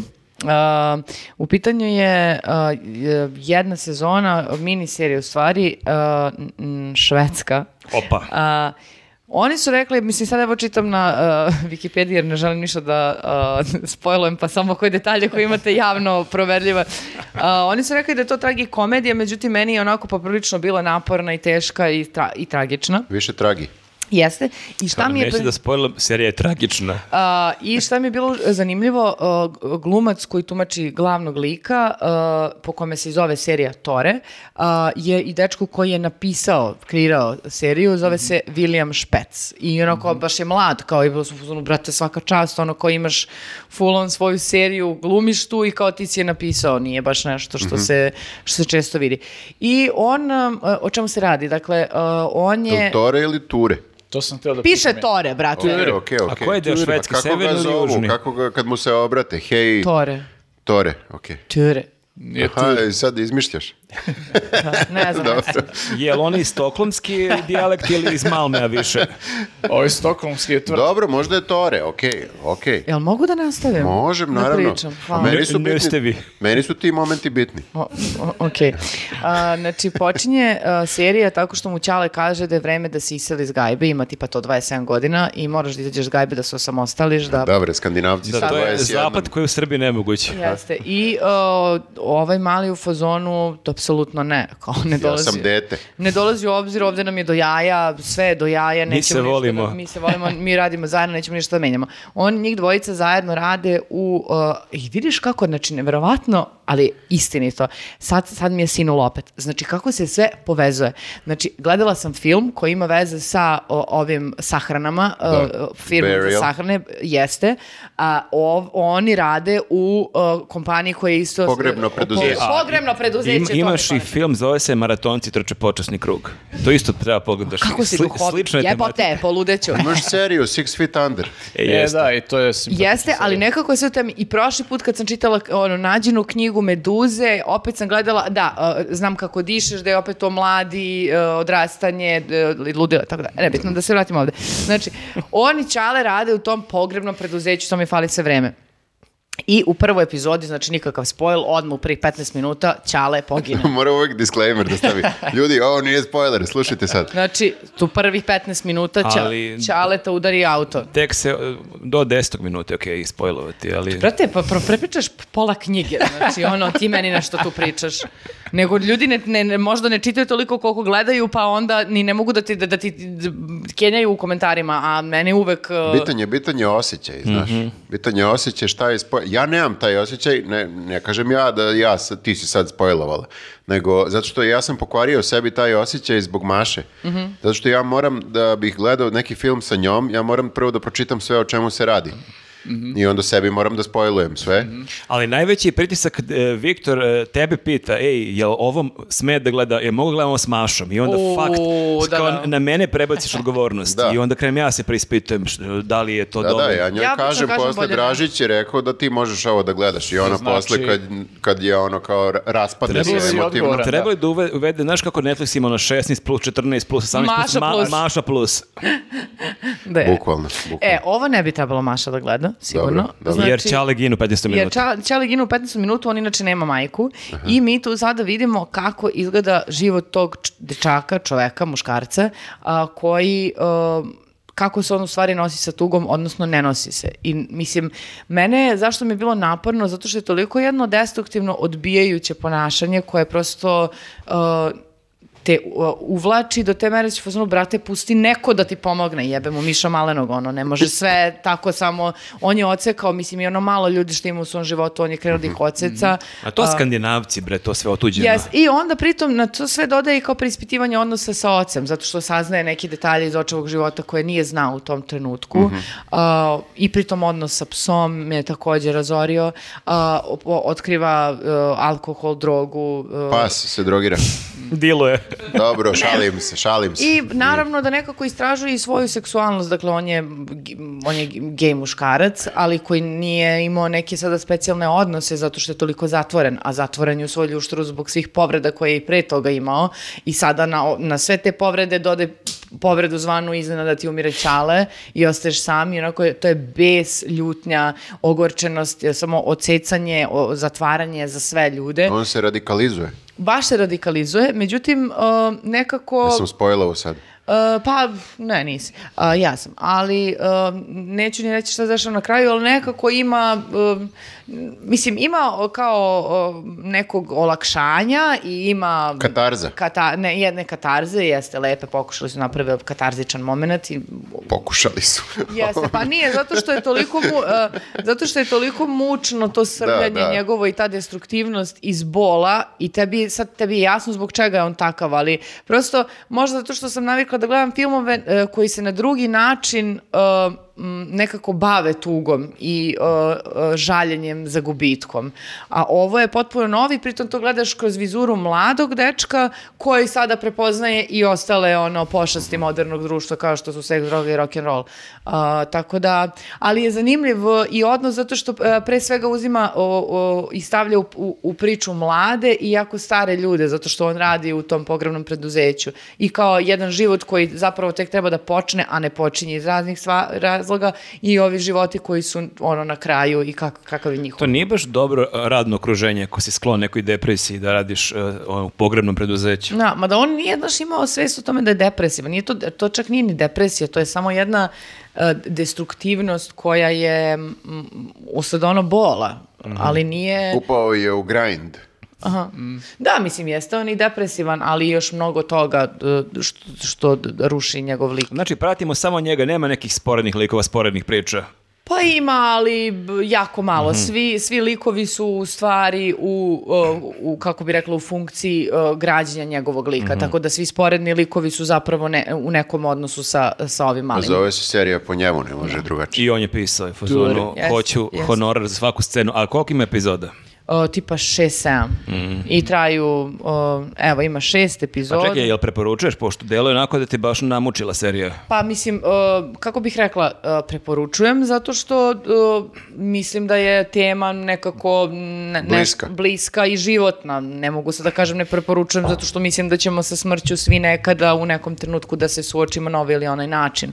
Ali da mi je bilo da prosto ne bih možda predložila nekome da to gleda kada je ne znam šta, nego kada je spreman prosto da se bavi tom tematikom. Znaš, neće pustiš ti ni drama film neki kada si, ne znam, Nije za prvi dejt. nije za prvi dej definitivno. Netflix and chill. Ovaj Burial, kako se kaže? Burial. Burial, Burial je dobar za, za, za date. Dobro. E, ja imam seriju koja ne znam da li je za dejt. E, sećate se kad je bio Dejan ovde pre dva, tri popkasta? Dobro. I on je pričao o ovoj seriji Pad kuće Ašera, što Dobro. ni, pola vas nije razumela šta je rekao. Jašara. I, jeste, i onda se jako ono, šokirao kako mi ne znamo ko je Mike Flanagan, kako je Carla Gugino. I ja sam to sad naučio zato što je Dejan dok je pričao o toj seriji, uzgred kad je pričao o Mikeu Flanaganu u njegovim starim filmovima i serijama, izgovorio rečenicu, on je snimio seriju The Hunting of Hill House i rekao je to je inače najbolja horror serija ikad snimljena. I meni onako jedna lampica upalila kao čekaj, ovo je baš jaka rečenica, pritom nije Dejan lik koji stalno nešto tog tipa priča. I rekao sam, ej, ajde baš da vidim, da pogledam prvo tu najbolju seriju ikada, pa ako mi se ona dopadne da idem dalje da vidim šta je gospodin ostalo radio. Tako da sam pogledao jednu horror seriju, ja mislim da je ovo čak možda maltene prva horror serija koju sam gledao. U i- životu. Pa ne u životu, ali da, nisam sad nešto gledao po nekim Netflixima, HBO-ovima i slično horror seriji, baš klasične horore. I mnogo je serija dobra i baš e, sad ljudi koji nas gledaju, koji vole horor, pretpostavljam da su već gledali, većina je gledala verovatno jer je serija stara dve, tri godine, ali bi želeo da skrenem pažnju ljudima koji možda nisu toliko fanovi samog horora, ali koji su makar nekad u životu imali to ljubav prema hororu, kao što sam ja nekad imao.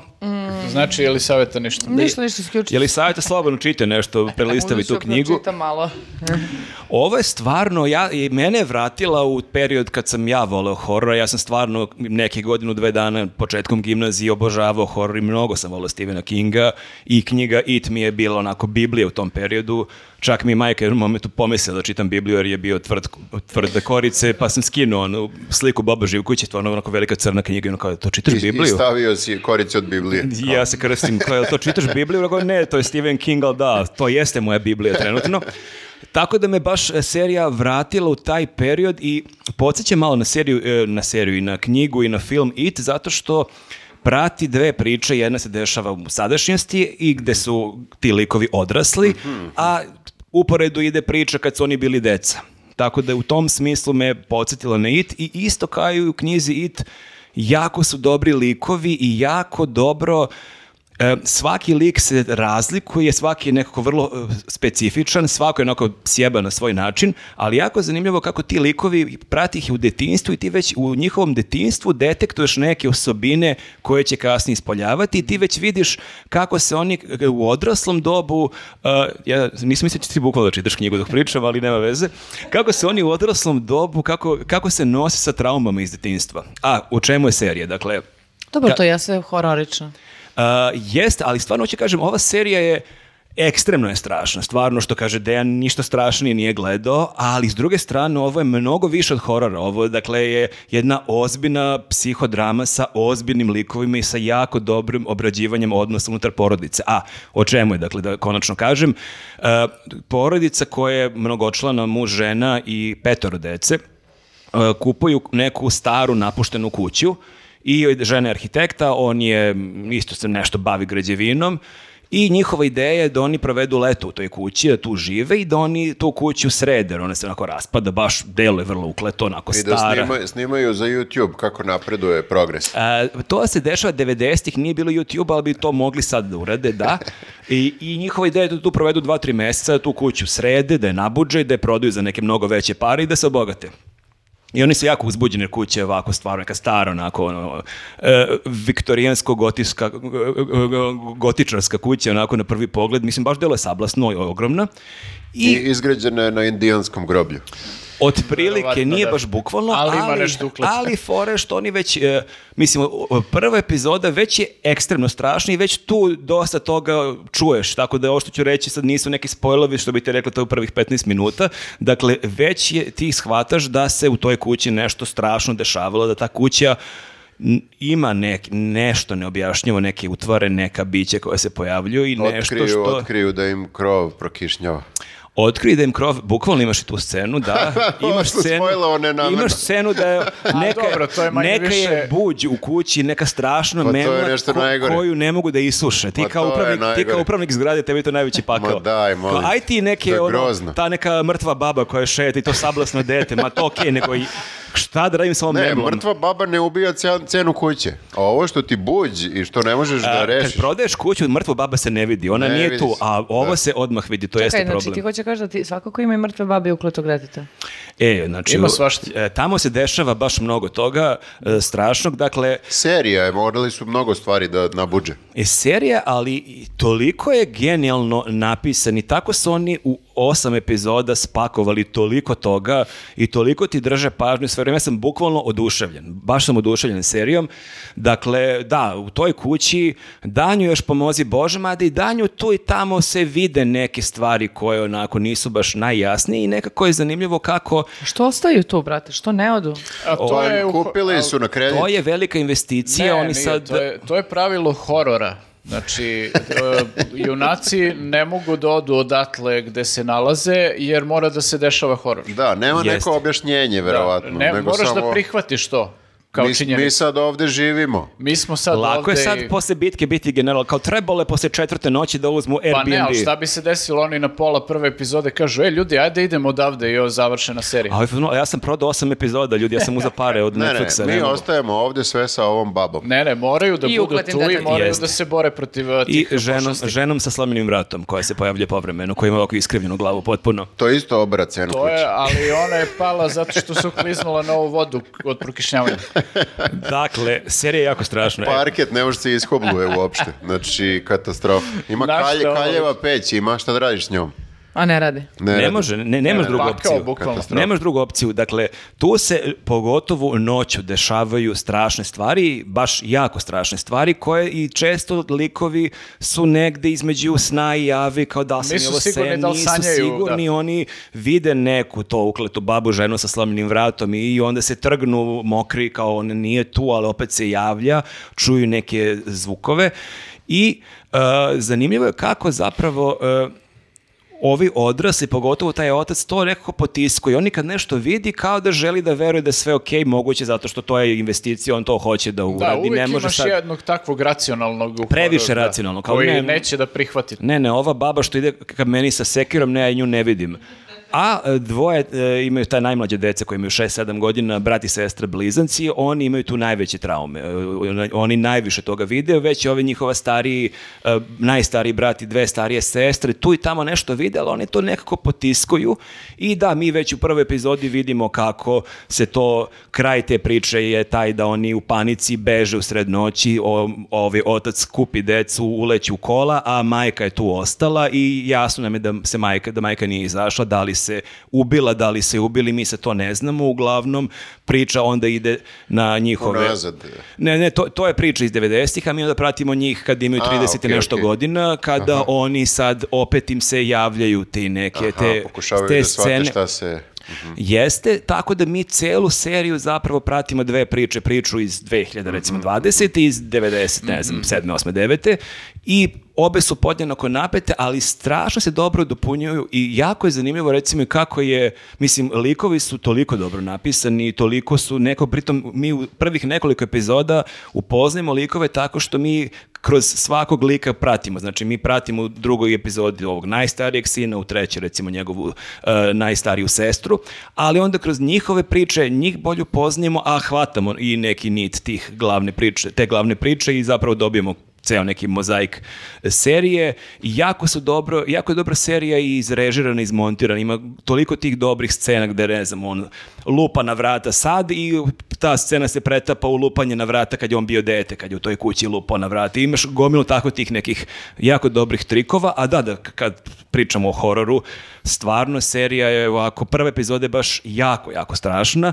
kasnije nije toliko strašna, ali u svakoj epizodi imaš barem dve, tri scene kad se naježiš onako tri sekunde bukvalno Drži- ne dišeš. Držite, znači, ima, imaju ovaj, konstantna ježenja. Imaju konstantno, da, i često ove kasnije epizode upadnu po 20 minuta, je to drama, neko, ti 20 minuta nemaš ni, ništa strašno, oni pričaju, ti otkrivaš kroz te priče šta se tu dešavalo i to te jako ti onako fino na kašičicu daje u svakoj epizodi po malo materijala, da ti do kraja si vrlo onako napet, ti hvataš šta se otprilike tu dešavalo, ali ti nije baš sve do To kraja je jasno možda još gore. ali taj horror moment je toliko, toliko dobro urađen i ja sam shvatio zapravo koliko e, jako ja stvarno nisam godinama gledao neke horror filmove i serije, ali moguće da me ne bi ovako odradile neki filmovi i serije, da prosto bih ono bio ra- ravnodušan.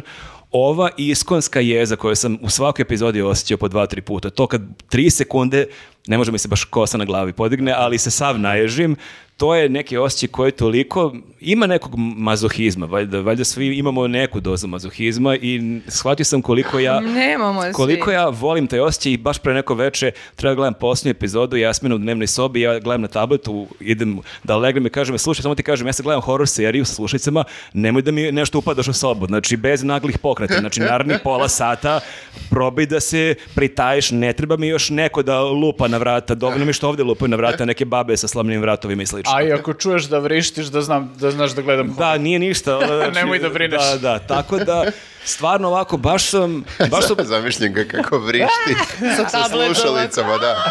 ne, ne, bilo je super da su tu deca, ono, šta je, ta, tata gleda horror seriju.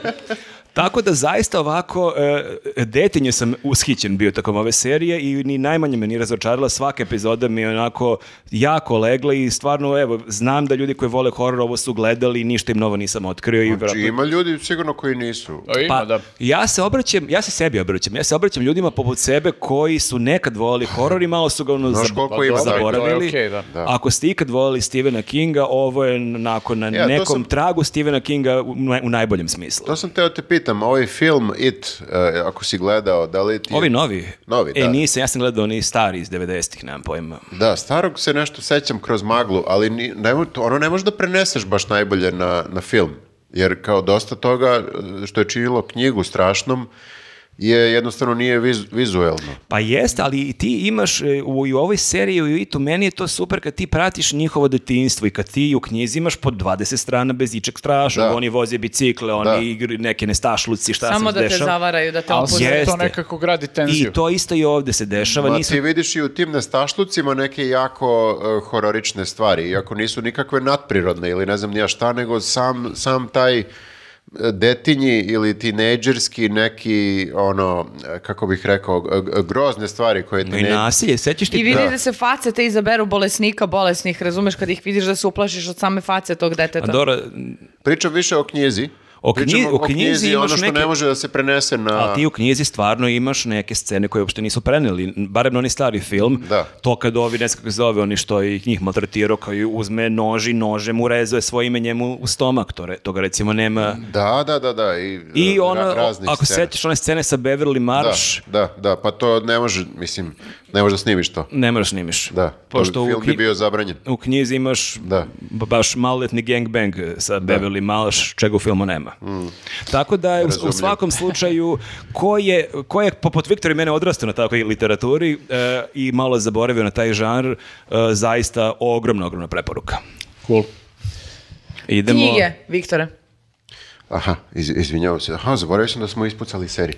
Yes. Ne, evo ovako, deluje kao da sam izvukao prvi strip koji sam mogu da dovatim. I zapravo jesu. Ali nije, stvarno sam doneo ovaj strip od kuće. Znači, evo vi ste Videli mi smo te kad si svedoci. ušao, da. Jeste, Nije kao, koji, šta ću sad, evo ga tu. Znači, grafička novela je u pitanju, Nenade. O, bravo, Je, bravo. to imam i ja. jedan Ali kod, kuj, ali kod kuće si uhvatio prvu grafičku novelu koju si imao. Nisam prvu, nisam prvu, ali jeste ovako kad je pogledaš što je, ovo je kultna grafička Jeste, novela. da. Znači, baš kao, e, svi znaju za nju, ali uglavnom sam zbog tebe doneo. ok. Zato Imaš što- full moju pažnju. Pa i prošli put kad sam doneo neke e, kultne stripove, doneo sam zbog tebe, nego nisi bio tu. Ja sam gledala taj film. Pa, znaš kako, e, jeste po ovome rađen film, ali su, o- ne samo film, rađen, trilogija cela Nolanova je rađena na osnovu ovog stripa. Tog i- jednog ili ima više stripova? Pa ovo, ovo je uzima, ovo je izlazilo u, u serijalima, Mhm. jel tako? Samo su ga sad spojili u ovu džinovsku knjigu, Skupocenu knjigu. skupocenu Da. knjigu. E, e, fora je što trilogija je naravno ne, ne prati verno e, ovu, ovu knjigu, odnosno ovu grafičku novelu, nego je kao tu su motivi koji su štrpkani tu i tamo, ne samo iz ove, nego i iz druge Frank Millerove ovaj, Batmanove avanture. E, e, Frank Miller mu dođe kao neki lik koji je ponovo izmislio Batmana. Radi, radi on to ovaj često sa nekim junacima. U smislu Batman ili neki drugi junak upadne malo u kolotečinu, upadne u taj grind. I odi iz grada malo na selo da se skulira. Reč, I popkasta, graj. Batman nema Wi-Fi na selu. Znaš, počinje da, da, da dosađuje malo uh, čitaocima i publici i kreće da pada čitanost, onda dođe Frank Miller i kaže, uh, znate šta je Batman zapravo? Batman je zapravo mračni vitez. Sad ću da vam objasnim. sa naglaskom na mračni. I onda ga malo, znaš, kao uh, reč griti A se čekaj, javlja. ja sam sad bukvalno neko ko ništa ne zna. E, sad pa zato sam i doneo. Znači, Znači- ko je izmislio Batmana? O, pa Batmana je izmislio, Narodno predanje. ma da, bukvalno Ok. je pre... Ne. Kao i Hasan Aginica. Narodna, da, ovaj, Ja mislim utvorina. 30 i neke, ne znam Da, koliko da, je da. star. Batman je baš star. Frank Miller nije toliko star, ovo Sad je iz u okviru 80. DC-a, jel? Da, da, To da. je DC. Ovo je iz uh, 80 i neke, ako se ne varam Dobro, priča. e pa to mi je čisto zanimalo. Da. I tu dolazi do nekog reboota Batmana, znači kreće se... Bob Kane i Bill Finger. Da, postoji tu isto kao ko ga je prvi izmislio, pa su dali obojici kredit. Bilo je između njih dvojice nekih, ja mislim... Beef. Beef, trvenja nekih, jel? Bob Kane. Da. E, anyway, da se vratimo na ovo. E, doneo sam zato što, ok, mnogi ljubitelji stripa znaju za ovo i ovo jeste, kako bih rekao, Lektira, Relikvija. lektira, lektira. Možda da. i Biblija. Ali ovo je nešto što može da te uvuče u svet stripa. Rekao si da bi voleo da malo... Jeste, baš ima višak novca, treba da trošim dosta pari na grafičke novele. Pa može firma da ti kupi. A, mene žena hoće da mene žena hoće da izbaci iz stana zbog knjiga jer ja sam Ovo sve ja sam sve police popunio, ja sad e, slažem i, i dijagonalni popunjavam sve te rupe tako da zaista imam kapacitet za još pet knjiga, a za ovo ne znam da li imam, ali ajde probaj. Što ne doniraš neke koje ti, su ti manje drage? E, moje knjige su kao moje deca. Sve su mu podjednako dragi. Nemoguće. Razmišljam da oglasim 5-6 knjiga, ali dalje treba, ba, dalje, Pet, i, dalje, i dalje je možda 200 knjiga viška. Nego, e, izvoli Viktore, imaš moju pažnju. Pa malo pre smo pričali o tome da li može da se prenese verno knjiga na, na film ili na seriju. E, ovde isto je slučaj sa tim da ti si gledao, ja mislim, Nolanovu trilogiju. Pa, ili si nešto gledao sam od jedan, toga? dva, da. Ja sam gledala. Ti si, Pa ne, priča- znam za tebe da jesi, nego ovo je više obraćanje On pokušava nekome... mene da preobrati. Da. Prošli put sam, ako se sećate, bili smo samo nas troje, on nije došao, donao sam Watchmen i doneo sam Preacher, to su isto kultni. Ti baš ula- ulažeš u mene dosta. Pa to mi je Pa nekako trudi se, da. zabavno. Slažem se, okej. To je cilj ovog podcasta, da te navuče na grafičke Mi ulažemo u stvari u nas i u vas. Jeste, i Možda kad ne se... samo u tebe, nego i neko sigurno ovde ne voli I stripove. kad se razvedem jer sam počeo kupujem stripove, ti ćeš da me primiš na gajbu onda. Da, a ti preporučuj filmove Maši. Na Airbnb. Izbaci tebe. Ali kod njega ćeš stvarno imati i Airbnb. Da, da. E, uglavnom, ovo je znači Batman koji u startu se penzionisao. I ti pratiš e, jednog razočaranog Batmana koji je... Pro, prepu- Pijanac. Pa Nije, nije pri pijanac, Batman je milijarder. Mislim, ne može da bude Ali i baš- bogati plaču. A, a čekaj, I ta- bogati piju. taj, Počeo je da pije, okej. znači taj Sve se to. Batman e, fundamentalno razlikuje od starog Batmana iz 30 i 40-ih. Da, Batman iz 30-ih, 40-ih, e, bilo je raznih Batmana, znaš, kao bio je i ovaj Batman koji je na kraju prešao u onu komediju, ako se sećate Jeste, da. serije iz 60-ih, gde je Batman u onom maltene ljubičastom kostimu Mhm. i sa žutim gaćicama. Mislim, znaš, ima raznih... Kao. Ništa, znači ništa im nije sveto, pokušali su propaste to. Pa nisu, to je jednostavno bilo duh vremena A tada. to je malo i e, sudbina franšize. Da. Znaš, franšiza je, to, i pritom franšiza koja toliko traje, ti moraš da muzeš stalno nešto, mora da Muzeš, donosi menjaš, pare i e, onda, onda to- više, znaš, ne znaju šta će. Malo se dodvoravaš publici, znaš, kao publika voli smešno, ajde Batmana malo da usmešnimo. Ne, ne, meni se baš svidelo ovo sada, o, o, što je tako nekako mračno i zajebano i kao... Ti pričaš sad o trilogiji ili Da. o ovom najnovijem rebootu, ovoj gde igra ovaj vampir iz Twilighta? Ne, Robert ne, ne, ne, Pattinson. ne, ne. E, to sam- to sam čak gledao. Ne, vraćam se na Christiana Bale-a Ok, ok, da, da, da. i na E, Nolanovu trilogiju. da, da, da, okej, To okej. mi je super. e, e, pa to, e, onda, onda će ti ovo biti, ti ne voliš tripove isto. Ne. Pa onda i tebi, mislim, obraćam Dobre, se mogu se oboma. isključim, onda malo izvoli priča njoj. Ali čekaj, ne, ja sam ga slušala stvarno pažljivo, ali ja, od svih superjunaka, meni je Batman omiljeni, da, da kažem odmah. I, ali volim jasno. ga do te mere da sam potpuno zadovoljena sa filmovima. E, ali ovde, e, ovde dolazimo do onoga da neke stvari koje e, vidiš u filmu, ovo je kao neka nadogradnja filma, iako je izašlo pre filma, iako... Ali ona ga toliko voli da Često nema da. prostora za nadogradnju te ljubavi. Kao kad čitaš knjigu i kažeš knjiga je bolja od Često, filma. da, Ovo- često ovo ne film može da bude se- onako siromašena verzija stripa. Ne kažem da je ovaj film loš, ovi filmovi su super. Međutim, ovo ti samo daje neku drugu dimenziju zato što te pušta da sam režiraš neke scene između Aha. frejmova i sam shvataš jeli, e, kako, kako Okej. bez, da, bez da ti neko to prikaže na Ok, filmu. ok. Ništa, kada Marko bude pročitao, Evo, ja te. ću pozajmiti od njega, pa ću onda uzeti ja. E, to je ujedno, mislim, uz one stripove koje sam pre donosio, super neki uvod u Da, za strip. početak. Da se vratimo na to i to te naloži da dalje kreneš da Trošiš čitaš velike istra- pare na stripove. Da. Pa jebi ga, šta da se radi? Kad smo kod Millera, ovaj, ja ću da u nekoj od narednih epizoda baš pričam, pošto sam čitao ovaj, na- u elektronskoj formi do duše, neki njegov omnibus koji je on radio za Robocapa. Aha. I to je isto potpuno ono kao e, reosmišljavanje Robocapa. Znači on ništa svoje nije smislio, nego samo uzme postojeći i iskrivi. Mislim da je smislio Sin City, ako Jeste, ti, da, ako ima ti on znači. svojih, a, Ima svojih, da. Ima A, pa svojih radova, film. da, ali on često... Ali ovaj, čitaj strip, strip da. je strava. Ali nema Jessica Albe u stripu. Žao mi je. Nema Jessica Albe, ali imaš lik koji glumi Da, Jessica Alba. zamisli koji- da je Alba. Ona ne postoji. Uglavnom, da, dobri su mu ti radovi kad uzme nešto tuđe pa, pa da svoj pečat. E, Mislim, Robocop je recimo u toj verziji onako prilično, ovaj, naravno, opet je mračniji, malo poremećeniji nego, nego što je inače, a pritom je i taj humor koji u Robocopu imaš, Ovaj, e, I taj humor je malo iščešeniji nego u nekim onim uobičajenim epizodama, tako da... Mislim da je i sam uh, Frank Miller, koliko nešto sam uspeo da pohvatam po tim biografijama i po intervjuima, da uh, nije lik s kojim bi se iko normalan družio. U smislu kao jeste genije, ali obično tako je neka uh, fora da sa genijima bolje da ih gledaš iz daljine, a da stavovi koji ima i uh, opšti kao, kako bih rekao, ži- način života nije nešto što bi poželeo Kažu malo blizu sebe. naporan lik. E, Da. na- neki naši gledalci kažu da bi voleli se druže sa nama, znači mi totalno nismo geniji, očigledno. Pa, e, zavisi kako koji genije, znaš. Evgenija. E, Evgenije, da. E, eto, to je, to je ovaj, dobro, ni- ništa nisam rekao o čemu se radi, ali e, u, u, u svakom slučaju Batman je na, na početku penzionisan i sada je nešto ga vuče da se vrati borbi protiv e, kriminala. Neke mračne sile. Pa neke mračne, ne, u stvari to je, prispi- to je ono što je najviše promenjeno, a to je da Batman se sada bori sa sobom.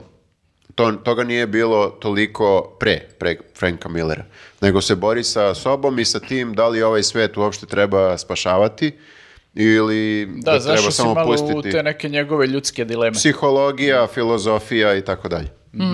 Zato je i zanimljivo. Eto, dobro. Da, da. E, dobro, ovaj, pa ništa, ajde, ja ću se nadovežem odmah sa Svojih jednom 60 knjiga koje sam grafičkom ponao. novelom. Aha, dobro. Ovaj, e, zove se Asphalt Blues. Uh, Joauen Salan je pisao i crto, to je ovaj francuski autor i uh, ovaj, ovo nije znači nikakav, uh, nikakvi superheroj niti bilo šta slično. 2038. se dešava, ali to nije jel, daleka budućnost, nema nikakvih uh, ono, neke naučne fantastike i tako tih stvari, nego je otprilike E, on je zamislio kako bi realno moglo da izgleda društvo u tom periodu i prate se dve priče, prate se priča a, jednog e, mladog para koji e, imaju nekih svojih problema, sve delo onako idilično i delo je da su oni super jedno za drugo, ali zapravo ima tu nekih ono demona između njih, nikako da, da to funkcioniše kako treba. A, sa druge strane se prati priča jednog bogatog lika koji radi u nekoj, ekol, uh, nekoj uh, energetskoj kompaniji ogromnoj, uh, koja je u toj budućnosti propagira priču o zdravoj energiji, čistoj energiji. Oni su prilično veliki, tipa... Zelena snabdevaju- agenda.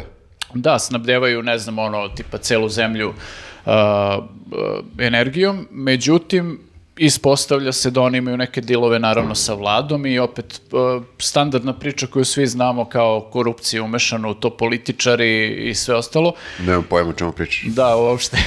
I, ovaj, I sad te dve priče onako na prvi pogled deluju da nemaju apsolutno nikakve veze jedna sa drugom, ali se u nekom trenutku zapravo shvataš kakve veze imaju ovaj, uh, i on, uh, mislim i ovaj uh, taj bogataš koji radi u toj kompaniji, on ima isto ovaj opet disfunkcionalnu vezu sa svojom devojkom uh, gde on njih ubija to što su jel stalno na ili ona na poslu ili on na poslu pa se ne viđaju toliko i ona već želi decu, on opet to malo izbegava. I oni imaju tih nekih svojih intimnih problema. Ovaj, i na kraju dolazi do toga da se prosto njihove sudbine negde ukrštaju u jednom momentu uh, na neki način onako koji je prilično neočekivan, ali uh, zapravo je priča o tome koliko, koliko su uh, neki na izgled uh, banalni koraci, potezi u životu, uh, zapravo potezi koji mogu da ti promene ceo život, ceo tok uh, budućeg života i to koje ćeš ljude da sretneš, u koje ćeš situacije da dođeš, ovaj, uh, i, na kraju krajeva kako će taj život negde i da, da se ovaj, da ne da se konča, nego da, da kažemo ono je dobro, dobro sam prošao u životu ili sam loše prošao u životu, prosto kako, kako ćeš da prođeš u životu. E, lepo je napisano, lepo je nacrtano, baš je crtež je fenomenalan i, i baš je posebna dimenzija ovih grafičkih novela je crtež. O, i to je, e, nije samo, mislim, i scenariju mora da bude dobar, naravno, ali e, baš ovako posebnu dimenziju i draž daje taj A, vizualni mogu ja deo. pitam tebi, Viktora, jedno dosta glupo pitanje, ali me, bač zanima, kada čitate u ovim godinama grafičke novele, koliko Koliko čitate, čitate i idete dalje na sledeći tekst, a koliko se zadržavate na crtežu?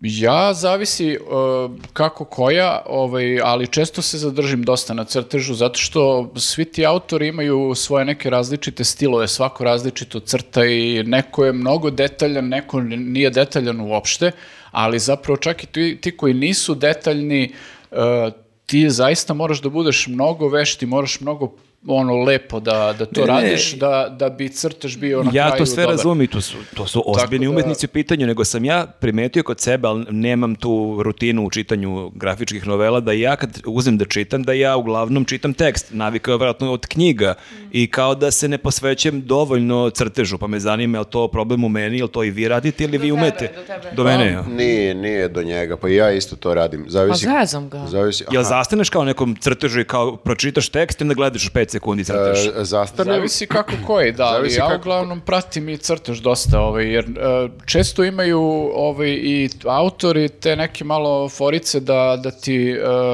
ne znam, neke scene predstave na dve strane i onda ti tu prosto moraš da staneš da vidiš koliko je to epski urađeno. Ako je neka bitna scena i kao još ti je na, na ono dve strane to nacrtao, stvarno izgleda onako monumentalno. A ovaj, e, Frank Miller, na primjer, ima običaj da e, u mnogo frejmova prikaže bukvalno dve sekunde radnje. Znači, on, on, ga, re- on da. ga režira. On ga je već ovde režirao, iako će svoj prvi film režirati mnogo, mnogo kasnije.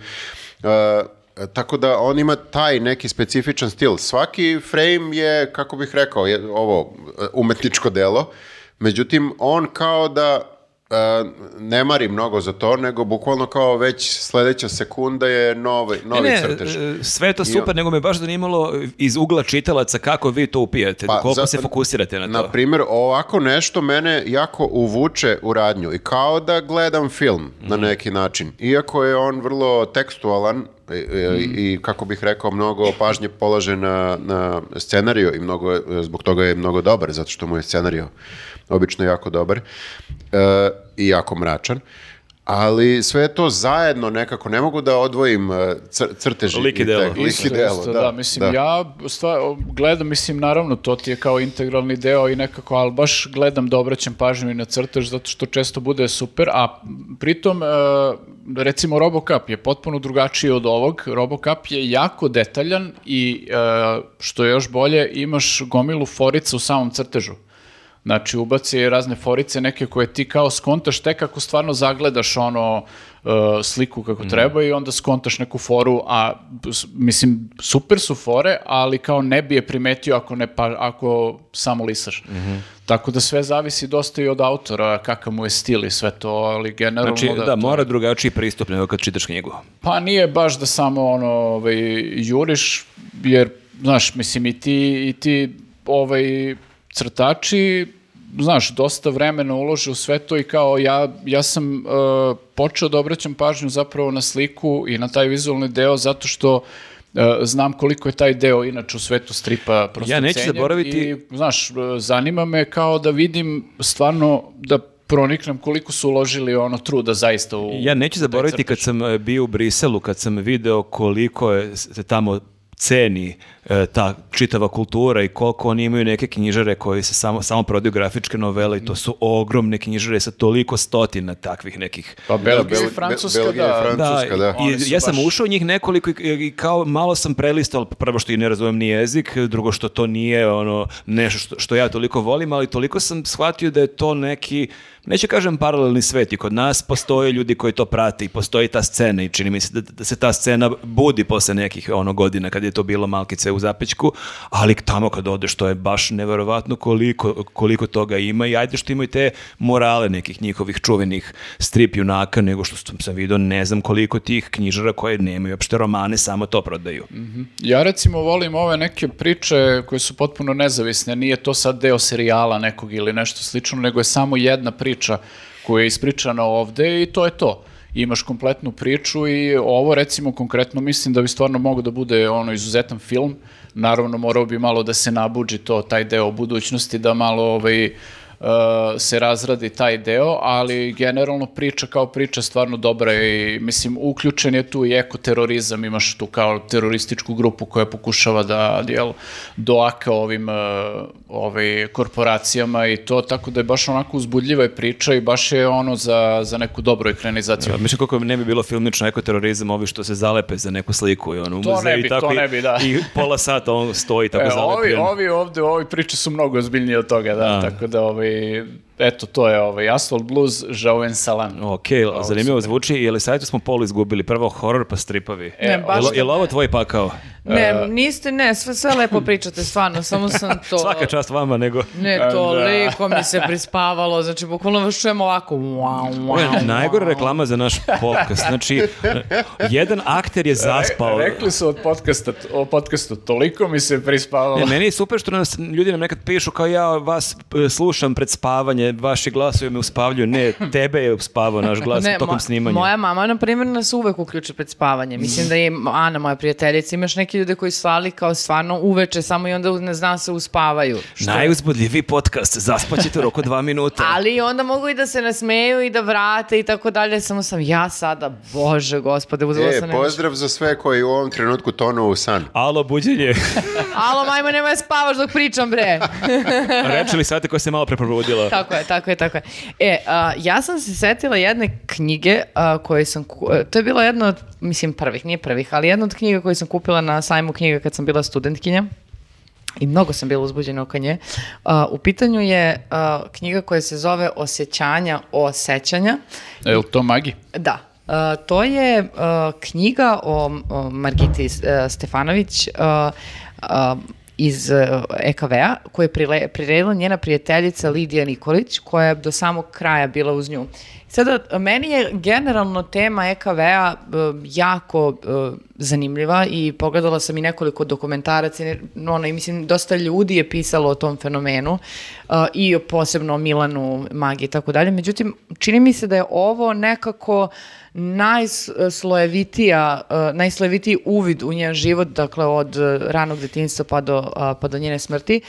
Ispunjena je brojnim njenim uh, beleškama, pismima, privatnim fotografijama, uh, pa onda naravno i ono što Lidija piše o njoj, uh, pisma koje su drugi slali, uh, možda neki isečci, nekih kritika i tako dalje. I ono što mi je prvo nekako ostavilo utisak i što, je, što će i kasnije um, nekako uticati na mene, na, na način na koji čitam stvari, jeste kako ona, kako je Margita posmatrala reči i kako ih je delila na slogove, otud ova osjećanja osjećanja i percepciju kako jedna reč kada je samo staviš neku tačku i podeliš kako dobija neki, a, neki drugi smisao. Drugo, a, nekako a, setila sam se ove knjige, leto sam, ja sam je davno kupila pa je propala u jednoj od selitbi zato što je ostala u podrumu i leto sam kupila ovo peto izdanje, možete kupiti u Ceptorovim uh, knjižarama, nema je čak svuda. Uh, zanimljiva mi je ta ideja koliko je nečija uh, ranjivost i način na koji se posmatra svet tako nekako delikatan i specifičan kao što ga je ona imala, koliko to ne ide samo jedno, kao to, u pak- nego u paketu ide sa još nečim. Dakle, taj način na koji se vidi svet i to isijavanje i to sve magično pošto postoji, nosi često kod mnogih ličnosti i neku drugu stranu medalje, a to je ta prosto e, droga u koju je ona upala i koja je zbog koje je na kraju umrla, ali e, nekako ova knjiga je toliko toga sem naravno tog, e, tog kraja i kako je završila i mene toliko, ja ne znam zašto, ali me tema ove žene koja je percipirana kao takva umetnica, kao takva intelektualka, kao toliko talentovana žena, ne samo u muzici, ona je završila arhitekturu, svirala je toliko instrumenata, mm, ona je prosto plenila i sijala u tom trenutku i takav ono takva propast je meni, ne, ne, ne, ne- mogla bih da gledam i da čitam o njoj i svaki put da se iznova, iznova fasciniram. A u knjizi jel imaju one neke njihove razgovore ili ona samo piše? Ima, Aha. ima, ima, mislim, ima, e, ima raznih pisama. e, tu uh, isečaka iz Margitinih dnevnika, privatnih fotografija, e, pesama koje je ona pisala, na- šta je pisala Lidi, baš onako Dobar arhis- arhivski materijal. da, apsolutno, ceo jedan život spakovan, spakovan u knjigu i kao... um, stvarno je užasno dirljivo. Ne znam kako, o, ako, mislim, uopšte volite, ste volili kao EKV nekada i slušali, ja sigurno sam da jeste. Ovo je stvarno toliko nekako nežno i toliko e, tragično i vrlo ranjivo u stvari, to mi je reč koja mi fali. Ona je toliko ranjiva i delikatna dok piše sve vreme i način na koji ona razume svet i šta nju to sve povređuje. Možda ne samo nekim stvarima sam se ja kao sa tim za, začudnostima i zapitanostima negde možda identifikovala, pa mi je zbog toga kao senzibilitetu kako svet vidimo. Ali eto, e, stvarno preporuka, mislim, nije sad nešto što e, vrlo je lepo da se kupi, da se, e, da se ima kod kuće i ima, kao što vidite, dosta materijala, dakle možete da se uhvatite za koji god hoćete period, a, period života koji vas prosto u tom trenutku zanima, tako da, mm, eto, sve ja preporuka. nisam znao da si ti bila toliki fan EKV-a. Ne, ja sam bila ono fan EKV-a kad sam to bila klinka u srednjoj školi, Kao i svi. naravno, da, kao i svi. Uh, međutim, onda uh, sam krenula da gledam te dok, mislim, i moji roditelji su nekako mi stalno pričali o njima i toj generalnoj generaciji uh, umetnika koji su prosto bili na vrhuncu u jednom trenutku i onda su svi propali od droge i kao to nije slučaj samo sa EKV-om, nego i sa mnogim drugim nekim umetnicima, bendovima koje smo imali u Kragujevcu i tako dalje i meni je to tako neki budilo neko, ne, ne- neku pažnju i strah od svega toga zato što kao sve je tako super i cool i Onda s- izgori. onda izgori i onda sam gledala i te dokumentarce ima jedan, mislim meni je najdraže onaj kao da je bilo nekad uh, gde su svi, mislim svi su učestvovali plus njihovi prijatelji i ljudi koji su ih poznavali, uh, čak mislim da i Sonja Savić uh, u tom, uh, u tom dokumentarcu kada, nikad to neću zaboraviti kad kaže, kad, su- kad je Ivica Vrdović je bio jedan od prvi, Vd je bio jedan od prvih uh, koji ja je... čak mislim da je bio prvi. Prvi koji je dijagnostikovan, Registrovan, da. registrovan, da.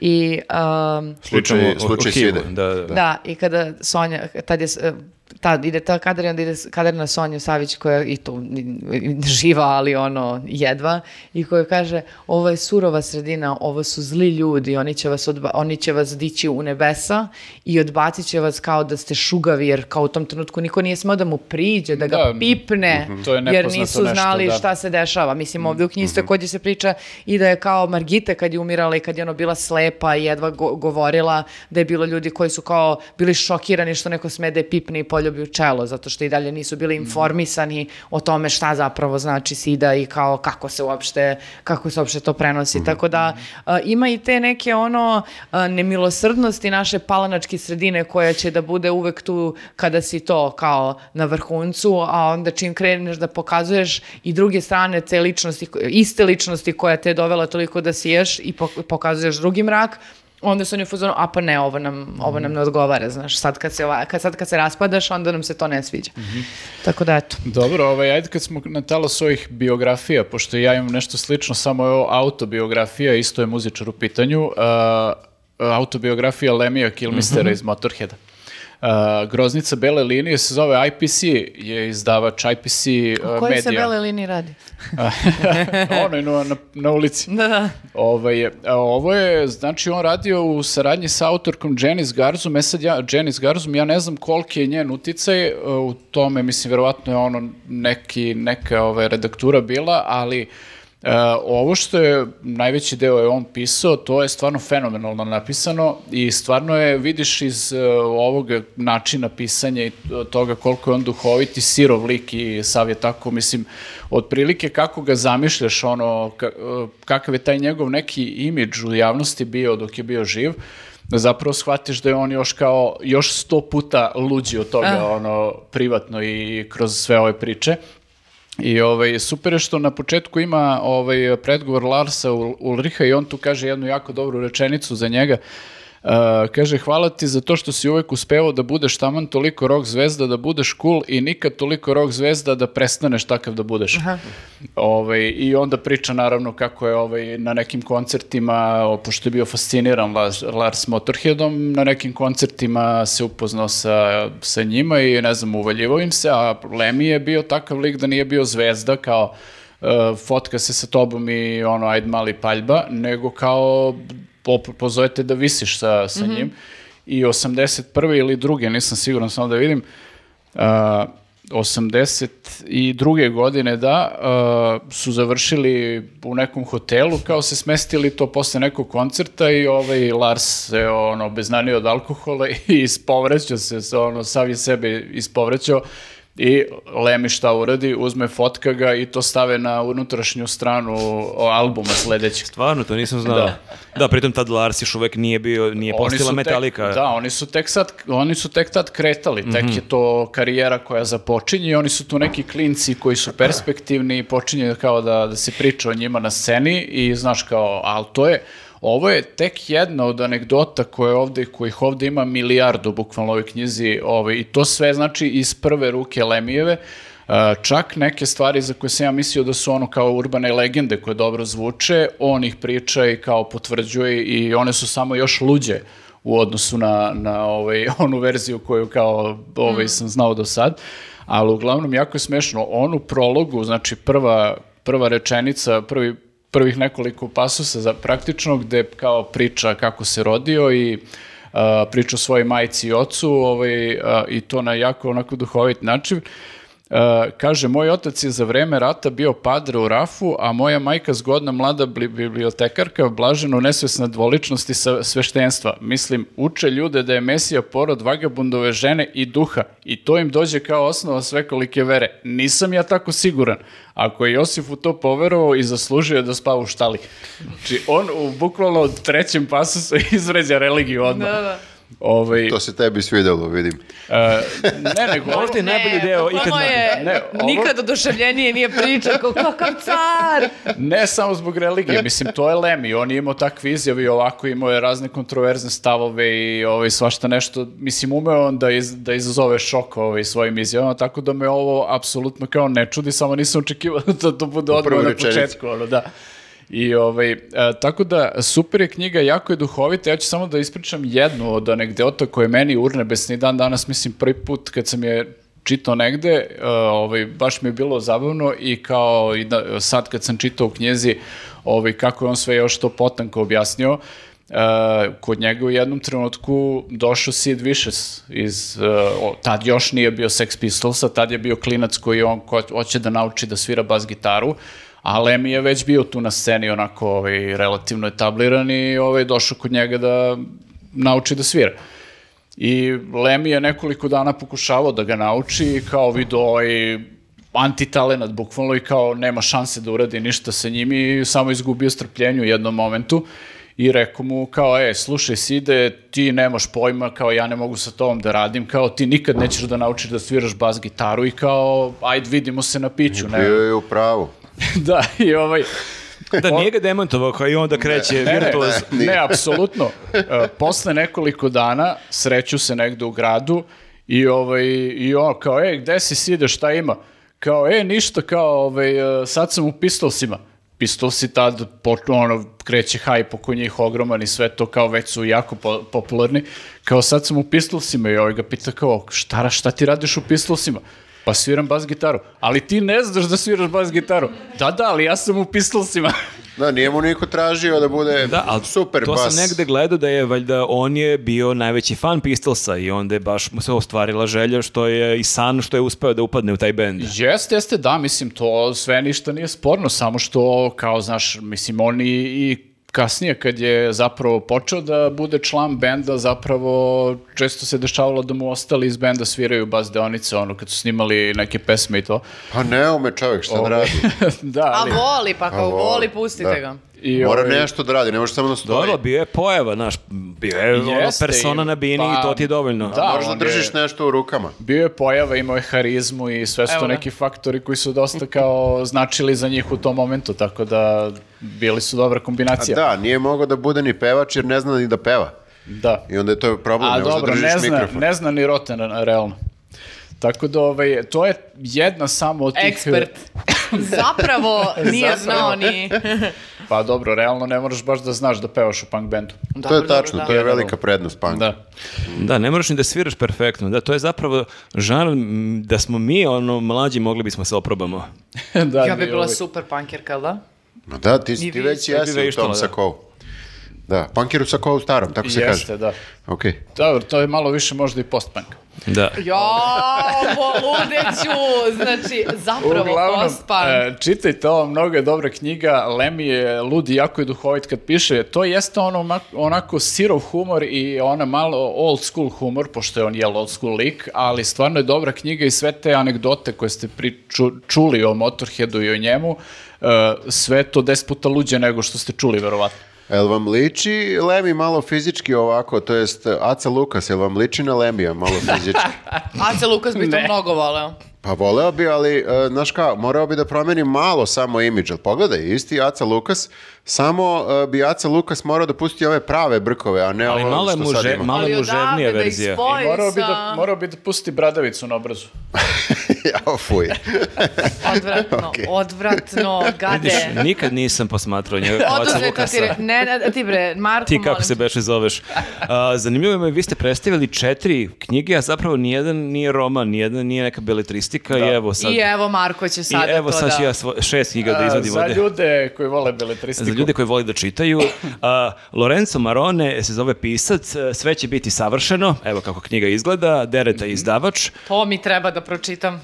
Tako je. Sve će biti okej. Sve će biti dobro. Sve će biti, ne, sve će biti savršeno, tako se zove knjiga. Još bolje, brate. Uh, on je zanimljiv jedan pisac, uh, malo je stariji od nas, uh, iz Napulja je i Deret objavila, mislim da je ovo njegova treća knjiga, jednu sam imao priliku da pročitam uh, ranije. Knjiga ja, jako počinje ovako zabavno i duhovito i nekako prva trećina knjige deluje kao da će to biti neka simpatična komedija i čak dok, sam čitao sam zamišljao kako bi to mogao bude vrlo simpatičan film.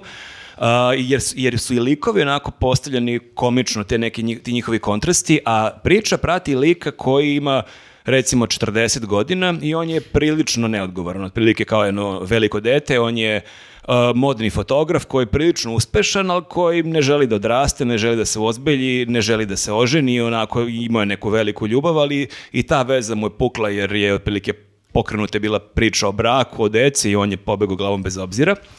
I on kao takav treba da e, provede vikend sa svojim ocem. A njegov otac je teško bolestan i nije mu još dugo ostalo i on živi sa svojom čerkom, to s njegovom sestrom i njenim mužem i decom.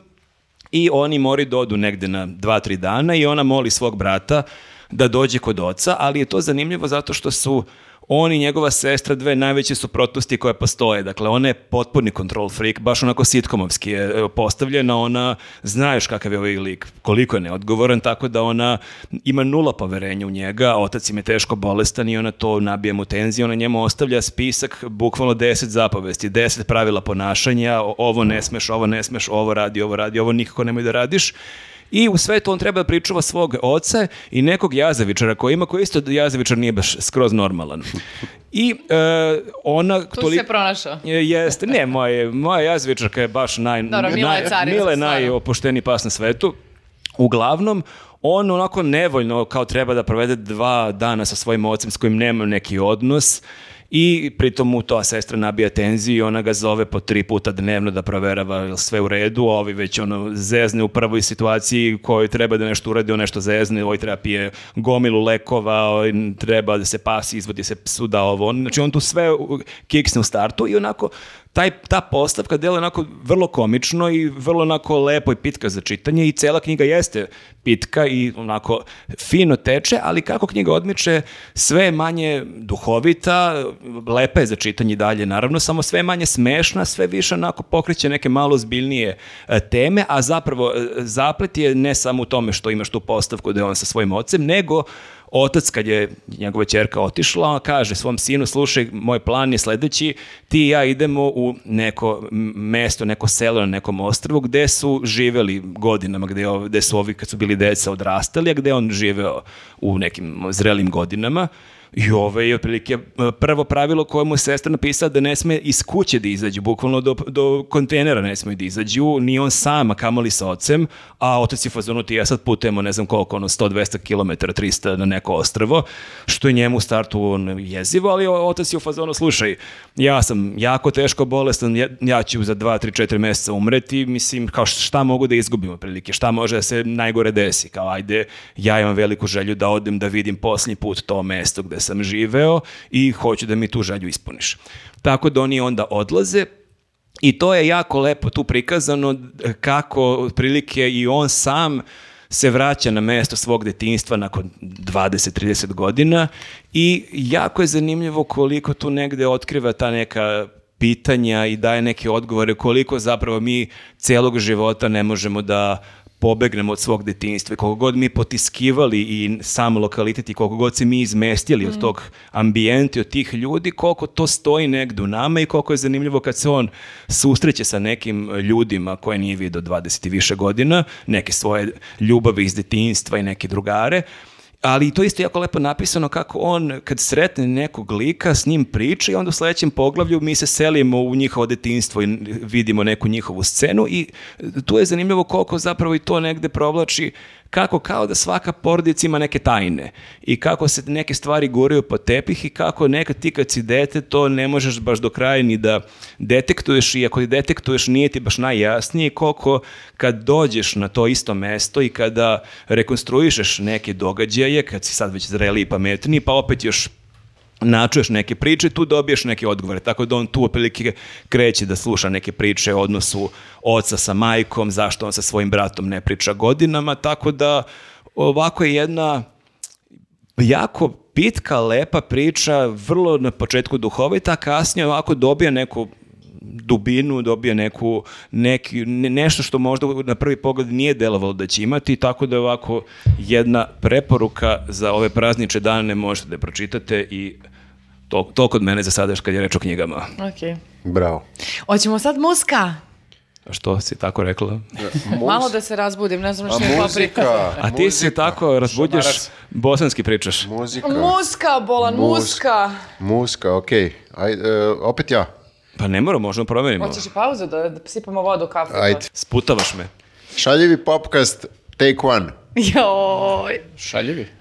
Ša, šaljivi. Šaljivi. Kao Šaljivi. Ko, ko smo mi? Šta radiš, šta pričaš? Da, vraćamo se posle manje pauze, je li savjeto spavala 2-3 sati, sad okej. Ne, pa skuvali smo još jednu kaficu i sad ajde, Bož pomozi. Srkni malo. Izdrži.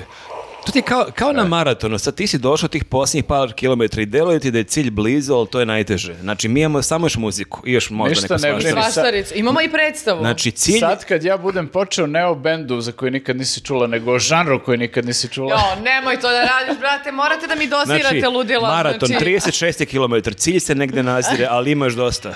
još i uzbrdica. A svaki metar sve Ljudi, teže i teže. morate da dozirate, znači, o, o, va- e, e, znači Šalio sam se. ako imamo horor, ne može i grafička novela, znači, ili ne može i neki Aha, žanr imamo novi. formule sad, šta, šta je br- briše, Ne, šta? ovo, Brate. izgleda da njoj ne treba ono dozirati šokove samo u filmu, već i u podcastu ovde. Moraš malo da otvoriš e, svoje vidike, da, pro- Jeste, da da. proširiš. Ja sam žena toliko širokih vidika da ti ne bi mogao da pojmiš to. Vidici široki kao sako. Dobro, razbudila si se malo, to je dobro. dobro. Jesam, jesam, jesam, jesam. jesam. Možemo, možemo da krenemo. Muzika, evo, muzika, Evo muzika. ja ću prvi. Aj, muzika. Krećem, e, band, na band sam naleteo. Znači ovo sve što do sad sam pričao sam vrlo onako mainstreamovo. Ovaj band niste čuli niko od vas, pitao sam vas pre. Hvala Bogu ja da dođem sa nečim što nije mainstream. Ali Nenad zna, ali nema veze. Ni- ne nisam, zna, nisam. pitao sam ga, ne zna ni on. Omekša je Sean u posljednje vreme. Da, da. Band se zove Kešavara. Kešavara, kao Che Guevara, samo Kešavara, jedna reč. Okay. E, proverio sam iz Nemačke su. Ja mislim da su iz Nemačke. Zvuči nemački. Prestani bre, pušiš, aman. To Viktor priča, kadar je na njemu, ne vidi se, pusti me. Ajde, Ja malo da- osjećam šta radiš. Ma osjećaj ti do sutra, ali budi profesionalac i pičaj o kešavari. Ti Onda pušu, bude, ti pušu podcastu. Ajde, prestani bre s tim. Stvarno, prestani, aman. Šta, šta, u kom je fazonu Kešavar?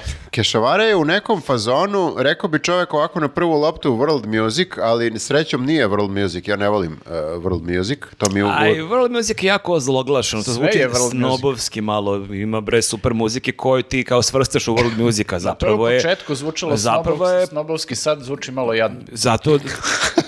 ali zato da ne bi zvučao snobovski kažeš pustinski bluz.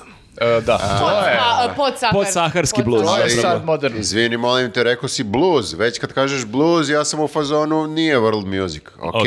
A kešavara je šta? Kešavara je neka mešavina svega i svačega. E, ono što ja čujem, to su e, neke primese nečeg što dolazi sa nekog bliskog istoka, međutim, čujem i neke primese neke kao nekog westerna.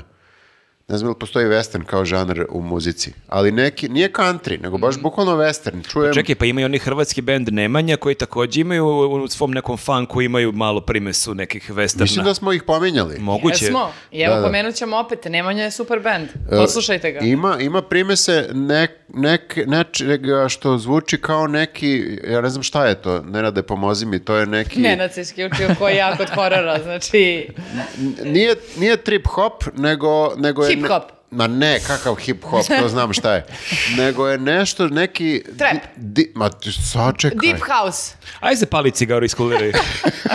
A Deep Ma House. Kakav deep house, bre? Pa Ka- postoji to. Minimal. Postoji, kao neki roots reggae, jel postoji Okej, tako? postoji ne? Znači nešto što je onako kao jako, jako spori e, reggae Ali ide kad bitovi. dabu ili ne ide Da, kad nije dabu? Dab, bravo Marko, dab. Nije reggaeton. Nije, nek, nije reggaeton, nije reggaeton. Znači, e, jako je opuštajuće, to meni prija i mojim nervima, što bi ti rekla.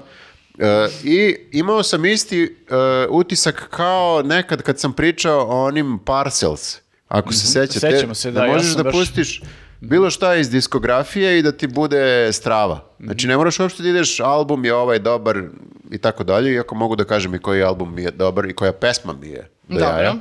I Evo. koja strofa mi je dobra u toj pesmi. Pa ne, mo- ne, Konkretno koja reč? E, pa ne mogu kažem koja reč, ima dosta Nema, Da, instrumentala. instrumentali su uglavnom. Da. Ima dosta Ono instrumentala. što sam ja čuo makar. Kako se Jeste. ispala naivno, stvarno, bukvalno iz vo- Jadno. vozu te pet minuta. A onda da ima vokala, vokali su u funkciji instrumenta. Ako se... Ej, Ne baš tako. No, hvala ti. Čekaj, ti si preporučio band koji nema reči. To su za ovo instrumentali, nema reči. Što bi rekla moja Sara tata, kad će počne pesma? Da. Slušajte pesmu koja me je navukla i koju ne mogu ni da se setim gde sam naleteo na nju. Zove se Fata Sonata. Jako smešno zvuči, ali je kao neki pesma vic. do jaja. Pesma je do jaja i ako hoćete već konkretno uh, uh, album neki da vam preporučim, recimo ima njihov isto, isto imeni album, a ima i Kabinet der Fantazije, to je na nemačkom. Da, ali ti ćeš na svojoj godišnjoj listi okačiti neku stvar ovog Hoću. benda. Fata tako, Sonata. Fata Sonata. Fata Sonate. Fata Sonata Hoćeš da kida. zatvoriš listu Fatom Sonatom ili da počneš? Uh, dva, 24 puta Fata Sonata. Samo to sam slušao. Da. E, jeste, ovo će mi u Spotify-u onom iskočiti na, na vrhu, verovatno. E pa ja ću da kliknem ja na to, da neću da Na idem Fatu Sonatu. na Fatu Sonatu. E, mnogo, mnogo je dobro. Javite mi šta mislite. Volim ja neki put da preporučim nešto pa da mi neko u komentaru kaže Viktore, dešavalo se i to par puta. Viktor, ovo što je preporučio je super. ti nemaš drugare, pošto malo, malo pa tražiš da ti neko nešto piše, da ti nešto Ja prokomentariše. čitam komentare naše ove Čitam i ja. i strava mi je to da vidim i, i njihove preporuke od ljudi, a i da mi neko kaže, e Viktore, i ti nešto znaš. Αθηνάς. Jeste, i ne, i da nam neki put potvrde nešto, a ne samo da nas kritikuju kako spojlujemo. Pa ne, mo, ok sam i sa kritikom, zato što omašio sam i ja dosta puta i kažu Ma mi ljudi, dobro, desi se, pa mi stvarno... šta pričaš, to mi kažu. Ma Viktore, bre, najplaćeniji futbaler promaši šansu, znači Ma kako da, ti bre, nećeš da mi pla- dođemo promašiš. ovdje, ćaskamo, ne moramo sve da znamo o svemu. Ti barem, Kako barem taj obožavam- mikrofon namesti, Kako iskrivilo ti se obožavam ovo skroz. ovu, ovu prizmu koju Marko Dražić ima. Znači, sa tim stavom, nje- njegov... Ove analogije sportske. Ja, Nema, sportske analogije. ne samo analogije sportske, nego a, relativizacija stvari do te mere da prosto ti znaš da u njegovom mozgu nema trunke, briga. On, Čekaj ovako, čekaj ovako. on ali- nema sekiracije, on nema je- mala velika briga. pa on je nema, pa sve čekaj ovako, fazonu, evo. Brate, najplaćeniji futbaler pogreši nekad Čekaj, i promaši Novak pa Đoković, ko prom, Novak Đoković e, zabode vole u mrežu. Dobro, ali Ako to on je- to pogreši nekad, najbolje na svetu, kako neće Viktor ili ja pogreši To je neki tačno. film, neku seriju? Si Ne, ne. vidjela koliko može da digne nogu Novak Đoković? Ne, čula sam za to, to me, nego... A mi, mo, moram ti kažem, e, mi u podcast svetu nismo ni blizu onog što je Đoković u tenis svetu. Jeste, ne kažem ja to na nivou kritike, ja to kažem na nivou fascinacije. Ja sam u fazonu, kako, kakav predivan mozak, jer kao... Znači, ipak ima malo i skromnosti. Rekao je, ipak mi nismo Novak Đoković. Mi nis, pa dobro. Da, mi smo trojicki više. Da, aj tako kažem. Da, ali ozbiljno, zato što meni to jako zanimljivo, mislim, meni je jako simpatično kad neki naš gledalac pronađe neku grešku, a zapravo nije režirao taj film, nego je to njegova žena i to je sve ok, ali ti kad ovako pričaš ono tri sata, naravno ćeš nekad nešto Ma da naravno, pogrešiš, da, da, da. zaboraviš, da kažeš. Ja zato ni ne čitam kako se zovu glumci. Vi svi zapišete, ovaj glumac se zove tako. Idi, brate, na IMDB pa proveri. Nije Šta nego, si ti tu, nije neki nego mi je bilo to što je, sećate se kad je došao Dejan, kad nas je napao, što ne znamo ko je Karla Guđino, je, zato sam zapamtio i hvala Ja, mu. ja odbijam da me to poremeti u, i ovo kad me pitate koliko ima sezona i tako to. Ne znam, nisam još odgledao sve. Nisam ništa proverio na IMDb. Pa, A Jeste, ima ljudi da, koji su u dešava se. drugačijem fazonu. Meni je baš moj Dragan, uh, prijatelj, on je bio u fazonu, ajde bre, seljanko, jebote, pričaš o nekom filmu, pa pa tudi se da naučiš kako se čita, recimo Dobro, ti, kako ti se realno zove. treba da se spremiš malo bolje, ali recimo o nas trojica, znači, Ne, ja se spremim a, za a, film i seriju tako što radnju čitam. Ne čitam glumce i tako, zbog Maše, moram pročitam šta će se desiti. Ali ne čitam glumce i koliko traje i tako Idi- to. to. idi na Idi pa vidite za pa te vidi tehnikalije, ne znam, jebi ga. Da. Jeste. Ne, ne, dobro, okej. E, imam jednu digresiju, setio sam se nečega. A, za razliku od ovoga do sad. Da, cijelog popkasta ovog u stvari koji nije jedna... Setio sam se kad smo pričali o onome da li je f- serija za prvi date, film za prvi date. Sećate Dobro. se kad smo pričali? Jeste, sećam se. Davno je bilo, pre dva sata, tri. Aha, dobro, cijel jedan život je prošao tada. dobro. Da, i setio sam se da nije bila serija ni film za prvi date, ali je bio film za prvo gledanje filma sa roditeljima mašinim. Aha, dobro. Znači, i roditelji su tu i sad kao, tek smo se smuvali, razumeš? I tek Train spotting. Te- da, bukvalno, bukvalno. Nije bio train spotting, nego kao, ajde ti, Viktore, odaberi neki film. To zvuči ja već kao neka greška. Da, da, da, da. Iz ove perspektive delujem sebi kao jako hrabar čovek što sam uh, to... Šta si izabrao? 120 dana Sodome. Ne, nisam, ali nije ništa toliko ekstremno, ali ali jeste malo ekstremno. Being John Malkovich. Jer ja ne znam kakvi su ljudi, mašini roditelji, znaš, Da, možda da, su da. normalni. I u faza, u faza, Taj film je čudan, da. taj film je jako čudan. I to je isto, ne, ne znam da li je film, ne za prvi dejt, nego ne znam da li je uopšte za, znaš, kao za roditelje, da im pokažeš to i da oni kažu posle ćerki kao u fazonu, mogla bi da razmisliš malo o svojim izborima. zabavi, Da, da. Da. Pogledali smo ceo film, a dok ide film... A čekaj, izvinim, je li Maša taj film gledala ranije? Ne, nije ni A niko Maša. nije gledao njih? Nije niko A od ti si njih. gledao? Ja sam gledao, to je, e, e, ne znam, gledao sam ga i bio sam u fazonu, u sećanju mi je ostao kao do jaja film, gledao sam u bioskopu, izašao sam u fazonu šta sam gledao. I nisam ga gledao, ne znam nije koliko godina je prošlo od tad. I kao, ajmo gledamo ovaj, sećam se da je do jaja film. I krene film i ja sam u fazonu, u jebote, ovo je baš, ovo je baš ludo. ovo je previše ludo za... Ona mi je sjajna scena kada on odlazi u onaj restoran gde su svi kao Malković i kad svi pričaju Malković, Malković, Malković, jeste, Malković. Da, bizarno. To, pre toga se izdešava još gomila još Čekaj, bizarnijih u tom stvari. filmu imaju ni Među Sprat gde žive. Među Da- Sprat. Da, da, okej. Među sprat. Ceo da, da. film je da, ono kao... Kreće sa lutkama, kreće sa onim ludim lutkarom. Koji kao da imaju seks, ali nemaju Da. seks. Da. znači ima baš, redko šta u filmu nije ludo. I u fazonu sam bio, to je dobro, bio ovo je test, baš to je dobar bio test. test dobar. On je test. veliki rizik. da. Ali jeste da budeš nekako i luđi, znaš, od situacije, jer ja, mene pomisla da upoznajem roditelje prvi put nekako me malo mi je ipak frkica, ne znam kako će biti prijem, šta ću da kažem, na kako ću da odgovorim, da li ću da previše otkrijem, a verovatno hoću, onda ću da objašnjava što sam to otkrila i tako dalje. I onda, ako se postaviš nekako luđe od njih, onda samo... A, Neće ništa da te nije pitaju. Loša, nije loša ova kao- taktika. A čekaj, prošlo je ono, nekoliko godina od tada, jesu ti ikad rekli roditelji, slušaj, ti si dobar momak, ali samo ti kažemo... Jel se sećaš kad si nam pustio ono sranje od filma? Ni- nisu mi nikad ništa rekli, ali oni su pristojni ljudi. Oni su to potisnuli. Da, fi- jako su fini ljudi, ja mogu da vidim neki put u pogledima nakon filma ili tako. Nikad veće, razoča- veće razočaranje nisu imali u životu, kao fuck. Ali dobro je prošla, evo me i dalje sam tu kao u, u kako bih rekao, u tazbini. Pa to je bitno, da. Da, da. Deo, pa da. deo te, i te porodice. To Uprkos tom filmu. Uprkos tom filmu, da. Ja sam skoro puštala Triangle of Sadness uh, sa takvim uzbuđenjem uh, i malo sam nekako bila u fazonu zašto neko ne deli uh, isto, isti entuzijazam dok s onim svim scenama koje sam obožavala i vrištala od smeha, osoba je samo gledala i bila u fazonu okej, Mhm. Aha, okej. Nije loše da te, upo, da, upoznate osoba. Da, da uvek pokažeš najluđe lice u startu i ako nastavi tu, onda očigledno ima tu nečega. E Sad, e, roditelji možda nisu zaljubljeni, pa možda pred njima ne treba eksperimentisati. A pa, da- pa ne treba ni ovdje na početku eksperimentisati ja da ti kažem, ali jebi ga, šta da se radi, slučajno. Pa dobro, probaš, pa šta bude, eto. Pa dobro, prošlo je, šta ima veze? Prošlo je, prošlo je. Super, Da, super. Strava. Uh, da se vratimo sa Da. digresije na temu muzike i Nenada i Ok, novog Nenad, žanra. Nenad da uzima vodu, sad će se osveži i sad, Kako sad se zaleće kao budala, Da znači... pređemo sa digresije na agresiju. Gospode Bože, Nenade, šta si slušao?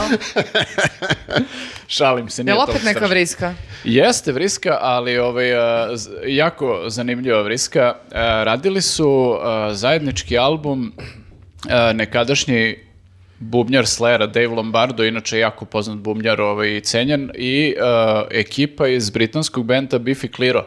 To je jedan onako light Da, da, band, rock band, band. da, da. Pa mislim, ono, imaju neku popularnost, mislim, ovaj, nisu toliko popularni, ovaj, ali koliko bi mogli, ali uh, rock band je u pitanju, nije... Niko nije toliko nešto- popularan koliko bi mogao, Nenade. Pa Uvijek mi- ima prostora da napreduješ. Pa dobro, Evo i mi sigurno, isto. da, mi isto, da. Da. Tako da, ovaj, uh, Ne, oni mi, su... mi smo dosegli vrhunac. Oni su onako neki rock band koji je prilično slušljiv. I sad ovaj pevač tog benda i još uh, jedan, mislim, gitarista, oni su imali tako neke aspiracije malo prema nekim drugim stvarima da rade i onda su se skupili sa ovim Dave Lombardom i sa još par ljudi i napravili jedan projekat koji se zove Empire State Bastard. Uh, I to je onako jako jedna čudna muzika. uh, Ali kad Nenad kaže da je čudna jebote život, pa šta bismo mi rekli? ovaj, Čekaj, to je kao neki super band sada. super grupa, da. Su- super grupa, da. Da, ovaj, uh, jeste i oni su onako pod uh, pri- popriličnim uticajem, uticajem uh, Majka Patona, ali ne Fate No More, Ali nego ovih Pattona. njegovih A, da, da, uh, projekata kao što su da, da. Mr. Bungle Fantomas i te stvari. Nesvrstani u smislu žanra, ne znam šta Samo je. što da, mislim, Patton je u tome baš preterano lud, ovi su se malo zadržali što se tiče vokala i načina pevanja na tom Pattonovskom delu, a muzika je malo drugačija, nije toliko baš... I kako se zove taj žanr, objasni mi. Ovo je neki progressive metal, mislim, nema, ne mogu to da... A ne sad- možeš sve što ne znaš da kažeš da je Pa progressive to metal. je, mora tako, mora tako, jer, znaš, ne možeš da svaki Neo bend da, progressive metal. ne možeš za svaki bend da smisliš novi žanr, to je malo problem. Post progresiv. Uglavnom, e, prilično je zanimljiva muzika i t- zanimljivo je što su to, ok, ovaj Lombardo jeste metalac, ali ovi nisu, ovi su A jesu oni i- rockeri. išli više ka Slayeru ili oni išli više ka roku? Daj mu nešto što zna. Više su išli oni ka Slayeru. Aha, okej. E, to je, znaš, oni su hteli, očigledno su imali neke ideje za metal album i koje nisu mogli da realizuju u ovom svom matičnom bendu jer je kao ipak e, imaju, Su ljudi nek- normalni. imaju drugu neku publiku. E, mislim, pola benda je u jednom i u drugom, ovaj, u jednoj i drugoj grupi, tako da ovaj, e, jako je zanimljiva muzika i stvarno je ono, sad sam se podsjetio tog albuma, on je izašao b- ove godine, podsjetio sam se zato što ponovo preslušavam ove neke albume da vidim šta će na kraju dođe na, na listu najboljih.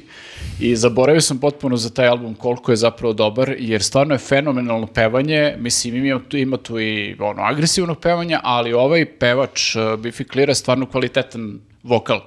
I stvarno kad pevate čiste deonice, to je ono, stvarno mnogo dobro, a pritom imaš ovu potpuno ludu muziku ispod koja, ja ne znam, mislim, od svih mogućih i nemogućih žanrova su ubacili tu svašta nešto se, se miksa i svašta nešto se dešava. Tako da je dosta zanimljivo, samo nije, ono, baš nije na prvu loptu da se stvari, ovaj, mora malo da se ono fokusiraš da, da vidiš uh, šta se sve tu zbiva, eto. Ali super je priča zato što ovaj, stvarno su, mislim i oni super muzičari i ovaj Lombardo je ono da ne pričam, tako da uh, baš im je pre svega i njima čini mi se prijalo ovo da, da, da izbaci sebe. O, za nas, ono ko te pita. Ovi Biffy Clyro je recimo imao te neke epizode gde oni su, znaš, imaju ono neke rock pesme, potpuno straight, ali vidiš da imaju ono, imali su jednu fazu gde idu malo kao uh, na neke onako, o, kao da hoće da prave rock operu. Tako neki fazon uh, su u jednoj fazi karijere imali i vidiš da kao ima tu Suzdržavaju nešto, se, imaju da kažu još nešto. Imaju tu da izbace nešto, ali znaš, ovo je već sad, znaš, prešlo baš u, u metal. A njih je da- onda bubnjar kontrolisao i sputavao i onda su morali očigledno da nađu nekog ko će da ih Pa mislim, povuče. Ja mislim da je njih sputavao koncept, jer oni ipak imaju neku popularnost, imaju neku malo drugačiju publiku kao Biffy Clyro i u Britaniji su prilično onako ovaj, e, poznati, Ali ovaj, sad da odjednom počneš da snimaš ovakve stvari, ne znam da li bi se to njihovoj toj publici Zato dopalo. treba tako kao ovi da- King Gizzard and the Lizard Wizard da ti baš boli sni- uvo. i snimaš što kao, ti padne na pamet, Evo da. sad death metal album, pa sledeći bude funk.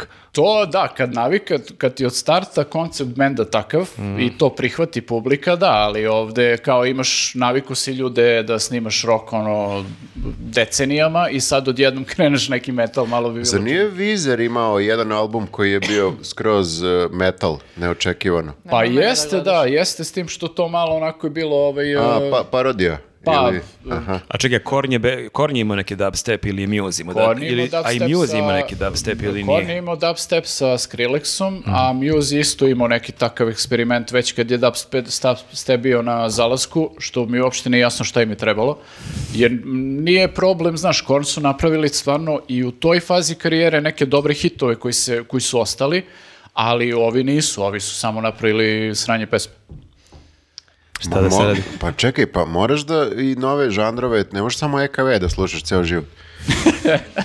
moraš malo da ovaj, budeš, znaš, široki ne- ne- nemam više nikakvo oružje da se borim. Znači, bukvalno sam potpuno razoružana. Pa ne možeš da provociraš, da Reč, podmadaš Nenada i on... Reč nisam rekla! E, Da, da, ali u Jedala si. pogledu se videlo Vidi kao se, u vidi se. fazonu neću ja ovo moći da sad ništa preslušam šta je. Pa neću moći, ko što neću moći da pogledam seriju, ali ništa nisam rekla, Dobro, čutala dobro, sam. dobro. Ja, gledaj seriju, znaš koliko ne će se dođeš iscimaš. u obzir, bre, druže, nema šanse. E, ali moraš stvarno malo da proširiš. Neka, neka čakra ti se otvori nova. Izađi iz tog babla malo da vidiš šta još ima. Ja ću rado izaći iz svog babla, ali neću izaći iz svog babla po cenu cepanja sopstvene ličnosti. Znači, prosto neke Ali granice mora da se žena sa znaju. slomljenim vratom se ovako ukazuje noću. Jedini čovek sa slomljenim vratom je Sir Oliver u Harry Potteru i to mogu da vidim i to je dosta od slomljenih to vratova. je dovoljno sikiracija. Tako je, tako je. Zašto bismo sad imali ženetinu koja tu juri noću decu i... Ne, jer samo se kao sablasno pojavlja ovako, samo Ma se beži, pojavi. beži.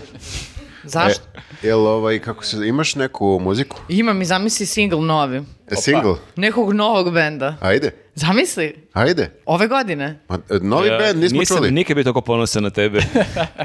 šta ima, šta ima? Uh, Ohio band, A. to smo pominjali i još pre kad im A to je isto super grupa. E, Je, pa mislim, nadam se da da, da li kao da će da ostane grupa. Hm, mislim, Čekaj, to je Dukat iz Stray Doga. jeste. Marko Ajković, bubnjar iz uh, Artan Lilija. Super grupa u startu. Da. Jeste. Ok. I uh, uh, ima ovaj drugi singl koji su izbacili, zove, ja ga zovem Sijam. Da, Sijam se zove pesma. Mislim, Ja ga zovem ne, ne, Sijam. zato što sam se uplašila da se zove nekako drugačije. A refren je Sijam. Ali- Ima Jeste, to, da, referen je reč i tu peva još jedan lik, evo sad da me ubijete, zaboravila sam kako se zove, ne, nema veze, svakako Dukat, No, veliko pozdrav, kako nema veze, ali ja sam baš tu treći, mi smo te- Mali tum, I ovaj treći lik.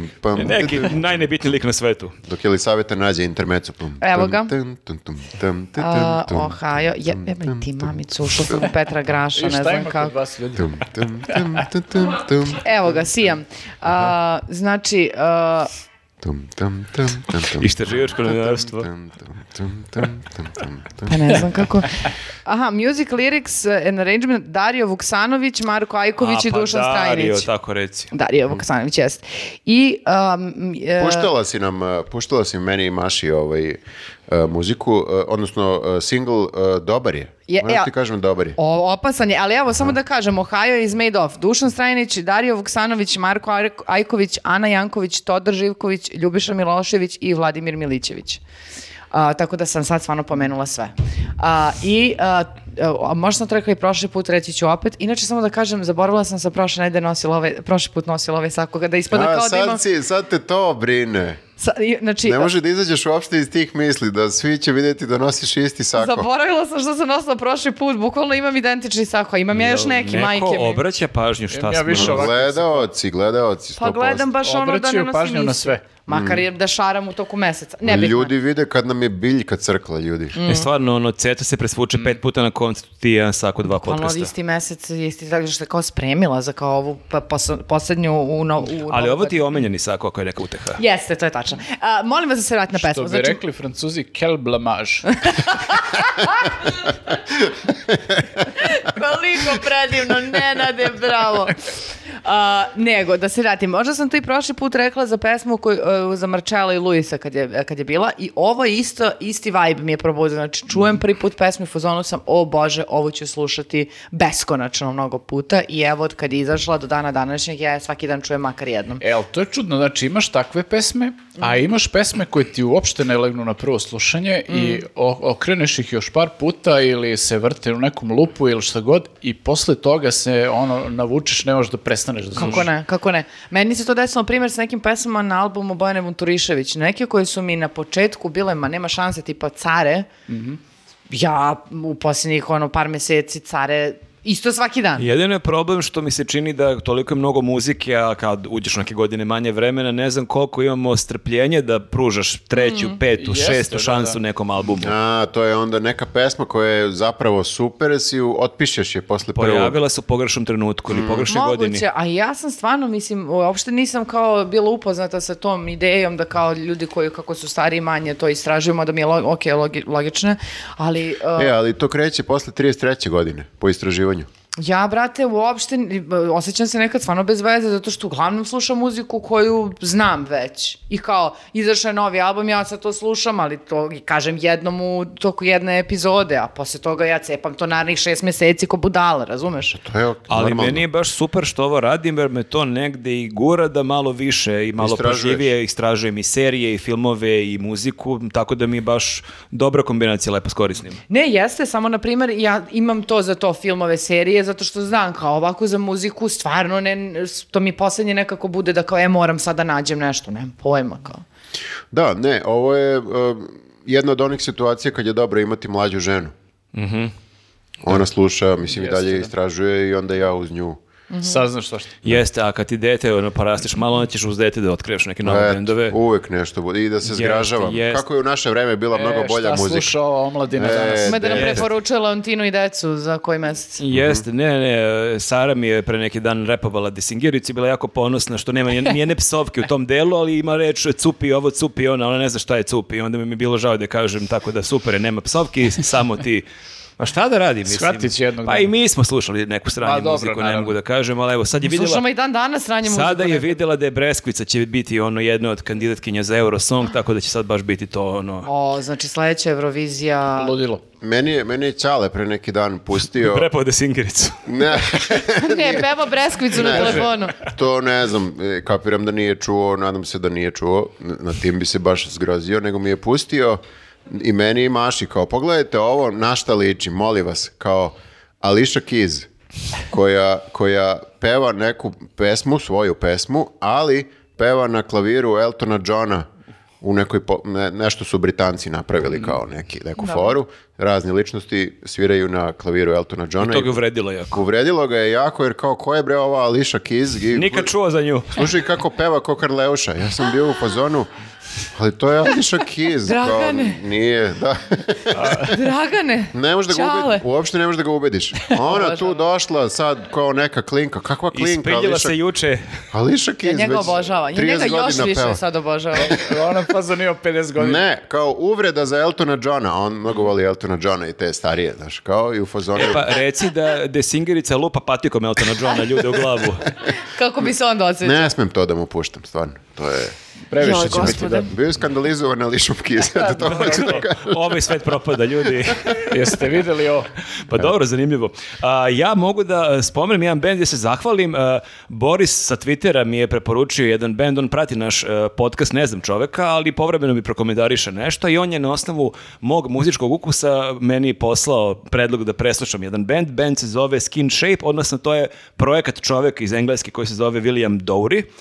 I e, sjajan je album i jako mi je zanimljivo što sam vidio na YouTube-u da ovi album je izašao pre 2-3 meseca, pregledi, svaka pesma ima znatno manje pregleda od naših podcasta, čak i naš, našeg prelistavanja štampe, ono je- ima po 5, 6, 10 hiljada pregleda, što je stvarno Koliko je šteta. ponosan što sluša. Ne, ja sam stvarno u fazonu gde je on njih izbonario, to jest njega. U pitanju je projekat koji je onako, baš je onako za mene jedan kroz jedan, jako je to onako inspirisano i nekim solom i funkom, ima to malo i afričke muzike, ima malo instrumentala, ovako jedna lepa, relaksirajuća muzika, ali sam baš razmišljao kako je ovo sad prilika ako smo i ole influenceri, a realno nismo, ali ako imamo makar u tragovima, kako bismo mogli da napravimo sada bum tog izvođača i da Dobro. onda on Aha. vidi kako mu skaču pregledi A Srbije. dakle, Što sam popularan On je u iz engleske, da bude kao na Voli ga kao, ovo. kao priča Rodriguezu. Sugarman. Sugarman, znači da shvati da kao mene u engleskoj zna 5000 ljudi u mom kraju, Ali zato u ali Srbiji- zato u Srbiji ja sam on... 20.000. Popularan ko Zaz. Jeste. Tako da obratite pažnju ako jele volite takvu vrstu muzike, stvarno sjajno zvuči, baš mi prijelo i hvala Borisu ako imaš još nešto što znaš da bi mi se dopalo da ima tako 10.000 pregleda, šalji slobodno. Šalji u inbox. Cool. Imam jedno pitanje. Da li sam ja prošli put pričala da idem na predstavu Lažljivi život odraslih?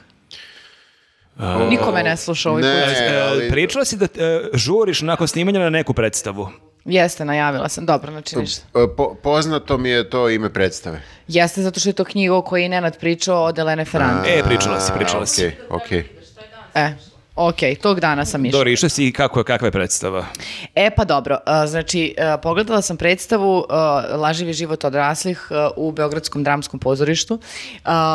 Sebastian Horvat je reditelj, jeste, i zanimljivo je pre, prvo i pre svega zato što je ogroman ansambl od ženskih likova koje su od jako mladih do, i, do, i do starijih a, žena, zato što prati upravo život te Đovane, glavne, glavne, te to kažem, glavne likuše. A,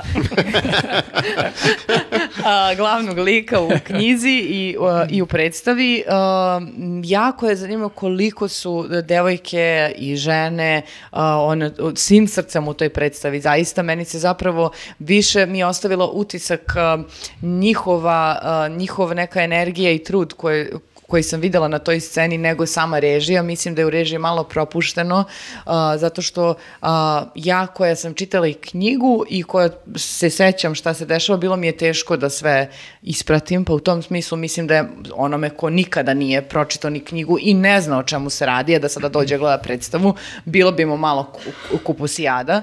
I nije mi se svidjelo e, to što ima e, tih rejtinskih rešenja da se stane na procenima i onda se govori, govori, govori, govori, govori, govori.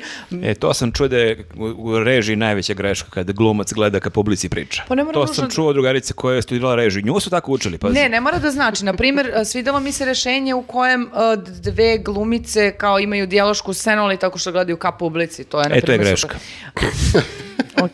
Ali mislim da je e, jako zanimljivo, posebno zato što su nekako iskoristili i, e, i neke songove prema kojima ja uvek imam neki onako skepticizam, jer mi ne to u A, ne, ne voliš musical? Pa nije da ne volim, samo to nije uh, format koji me, koji me, ono, koji mi je. Moraš malo da imaš, interesantan. da imaš šira shvatanja. Ne, ne, ne, ja mislim da je musical jedan od najtežih, ono, uh, kako bih rekla, oblika pozorišta, jer tu je i pevanje, i gluma, i igra, i sve, i uopšte ne, ne govorim to kao Samo, samo se pitaš, ali čemu sve ovo? Ne, nego samo jednostavno ne, nije my cup of tea, u tom smislu pre bi otišla pogledam neku ono klasičnu drametinu da se raspadnem, nego sada ili neko pozdramsko Dobro, da, pozorište. To je nekako stvar ukusa. Jeste, Mislim, ima jeste. ljudi koji baš obožavaju muzikli, ja isto nisam među njima, ali ono, jeste to jako zahtevno za Kako za ne? I mislim, ti to kad gledaš, to je stvarno jako zanimljivo, nego meni samo ne leži to. Ovdje sam bila skeptična, međutim... Ali o, ovo nije musical, ovo nije, su songovi. Nije, nije, nije, nije. Ok. Ima toga i eto, mislim, stvarno d- toliko nekako a, energije i truda i vidi se da su stvarno ono a, sve glumice svim srcem na tom terenu i da daju svoj maksimum i e, tu bi naravno izdvojila Isidora Simionović koja me i pozvala na predstavu i da joj se zahvalim zato što mislim da je stvarno, stvarno super glumica i odlična je u toj A predstavi. nas trojica ništa. Pa Nas niko ne zove nigde. Ne, zezam se, zovu nas ljudi i ja ću otići kad budem mogao.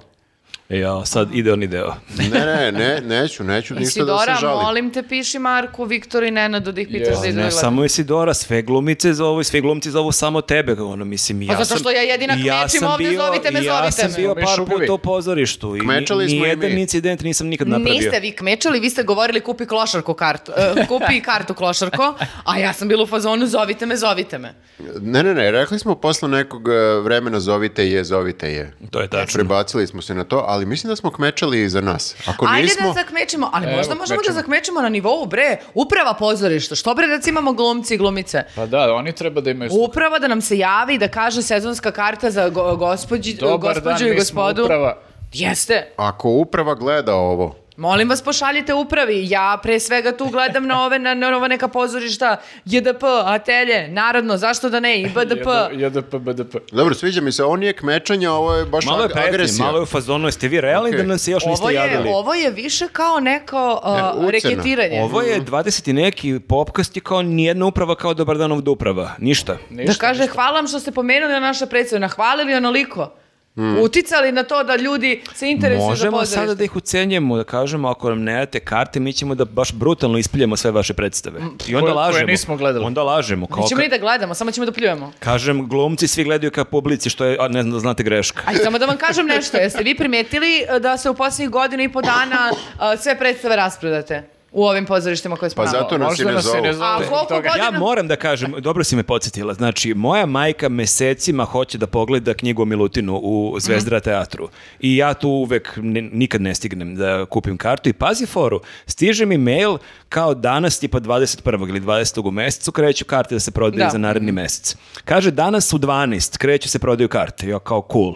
I ja slučajno srećem odem u 7 minuta do 12, već prodato 90% karata. Jedva sam uspio da nađem jednu kartu pre roka. Znači, ako napišeš, puštam u 12, pusti, Pusti u u 12. 12, ne su pola do- pustili, da. Koji je to fazon? Ja čisto kući i dalje pogledala nisam. Vi znate koliko ja pominjem tu predstavu. Ba, da. Mm, Da, ja to baš svaki dan čujem. E, a te, teo sam te pitam, tako kada te umuljaju na kvarno Ne umuljaju me breko gospođu, uđem dobijem kartu, šta lepo. a pričaš? imaš kartu, ok, to sam teo te pitam. Dobijem kartu. Jer ja ne znam gde ću da sednem ako uđem bez karte. Pa pa to Bogu me- Viktor, ipak sam žena u godinama, nisam više da mogu da sedim ko mala klošarka na stepeništu i gledam predstavu za vreme bitefa, nego ipak imam neku, kako Ti- bih rekla, ti neki možeš sako da, ovde da ja. povedeš bebu. E, pa sa bebom sam i išao, uvela nas je ona devojka iz E, pa. Filharmonije, kad sam kmečao, samo da kažem i ja sam kmečao, Mhm. kako ne mogu da uđem na Filharmoniju za bebe, i devojka je čula kmečanje i uvela nas svo troje. Tako da isplati se to. Isplati se još, da. Ali tamo, tamo možeš da sediš na podu, mislim sa bebom. To je Tako da- malo A opuštenije tamo nego i tokom predstava. nastupa stvarno kmeče bebe, tako da to i tvoje kmečanje nije odskakalo previše. Moje dete nije može. kmečalo, ono je dostojanstveno slušalo.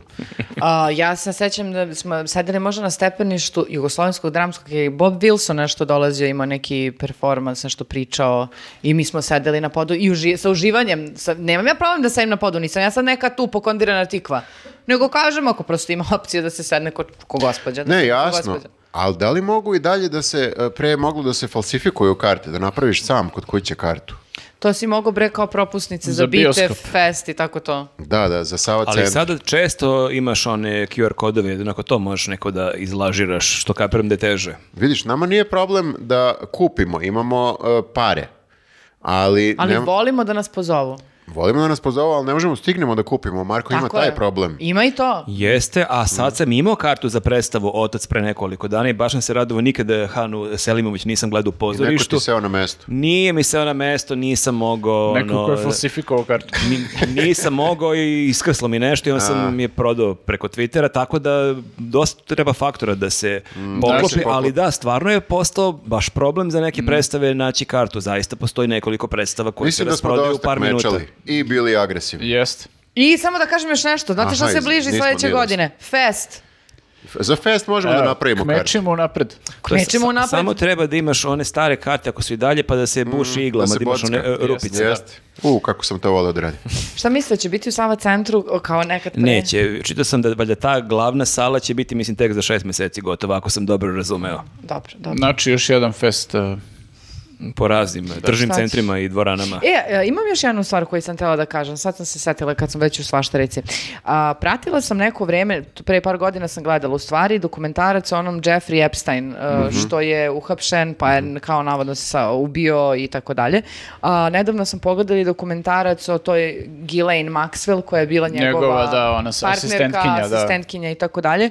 A, Zlo. a sad sam se setila toga zato što je sud naložio da se predmeti i otvore i- e, javnosti, odnosno da imena koja se pominju u e, optužnici, e, da izađu... na- Budu ispitani. Ne da budu ispitani, nego da, nar- da bukvalno narod zna ko su Da ti ljudi. zna ko su. Zato što od Ilona Maska, Donalda Trumpa, onog Prince Andrewa, do ne znam kojih sve ljudi Bill Gates. Ma svi, znači nema ko, bi Kurta i Murta bukvalno je bio tamo i nekako je užasno zanimljivo, meni ta ta priča za praćenje zato što ne možeš da veruješ kao koji stepen ono uh, nekih uh, egzibicija i perverzija tih ono bogatih ljudi na pozicijama šta su sve radili na tom privatnom Vidiš da je ostrvu. bolje kad nisi jako bogat. Ne, ne, ja uopšte ne želim da budem jako bogata, ja želim da budem Dakle, neumesno podržavajte bogata. nas na Patreonu, ali još neko vreme donekle. Da, da. Čekaj, ovo je sad svaštara dokumentarac. A, ima dva, postoje dva dokumentarca. Jedan je o samom Epsteinu, on je izašao pre par godina i e, sad skoro je izašao o Ghislaine Maxwell zato što je njoj krenulo suđenje. Nju su našli u nekoj kući, bukvalno Americi, ona se krila tu negdje u blizini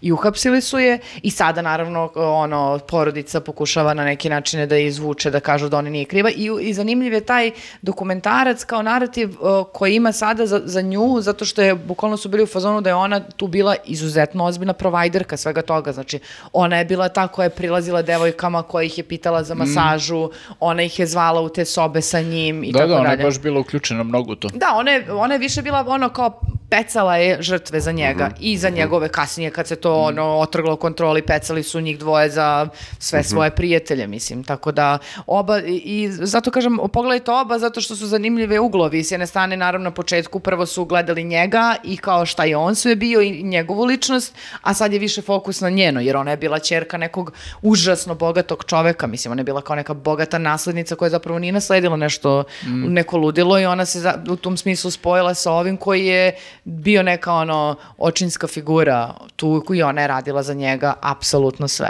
Nije, nije film za prvi dejt. Nije, da. Nije, nije, nije.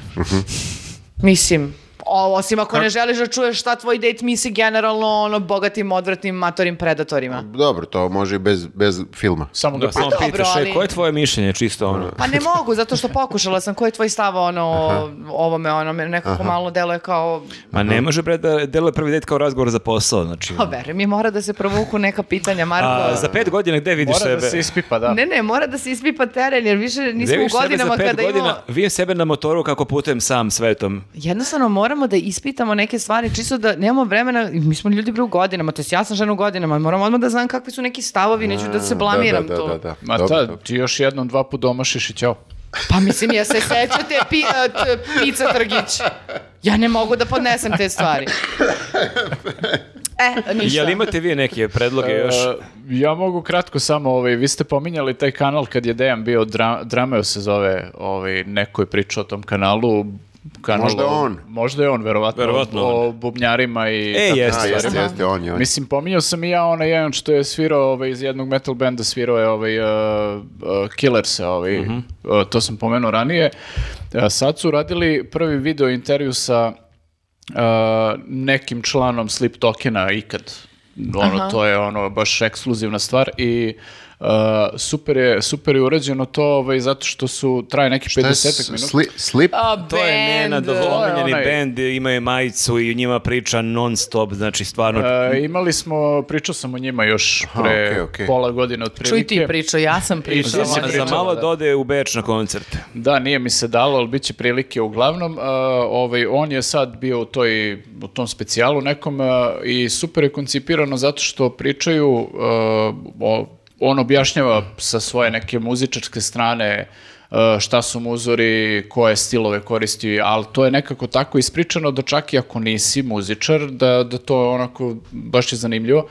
I onda ovaj, između tih priča, manja je priča, manji je ovaj, deo priča, veći deo je kad on svira tu uživo. Uh, I puste samo naravno onu matricu, a on svira uživo bubnjeve i uh, zanimljivo je što on tu između ostalog rekao i da kao, ne znam, ok, jesu mu i neki metal bubnjari kao ovaj, uzori, ali uh, između ostalog je dosta svoj stil izgradio na gospel uh, stilu uh, sviranja i na još nekim stilovima i onda svaki put kad priča o tim različitim stilovima, onda svira nešto što je približno tom stilu, a što je inkorporirao u muziku svog benda.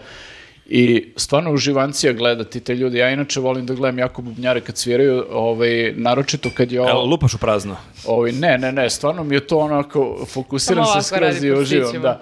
Ovaj, jer e, naročito ovakvi bubnjari, pošto je njihova muzika tako prilično specifična i e, nije preterano agresivna, nekako su mi bliži jel Tulu nego Sleru.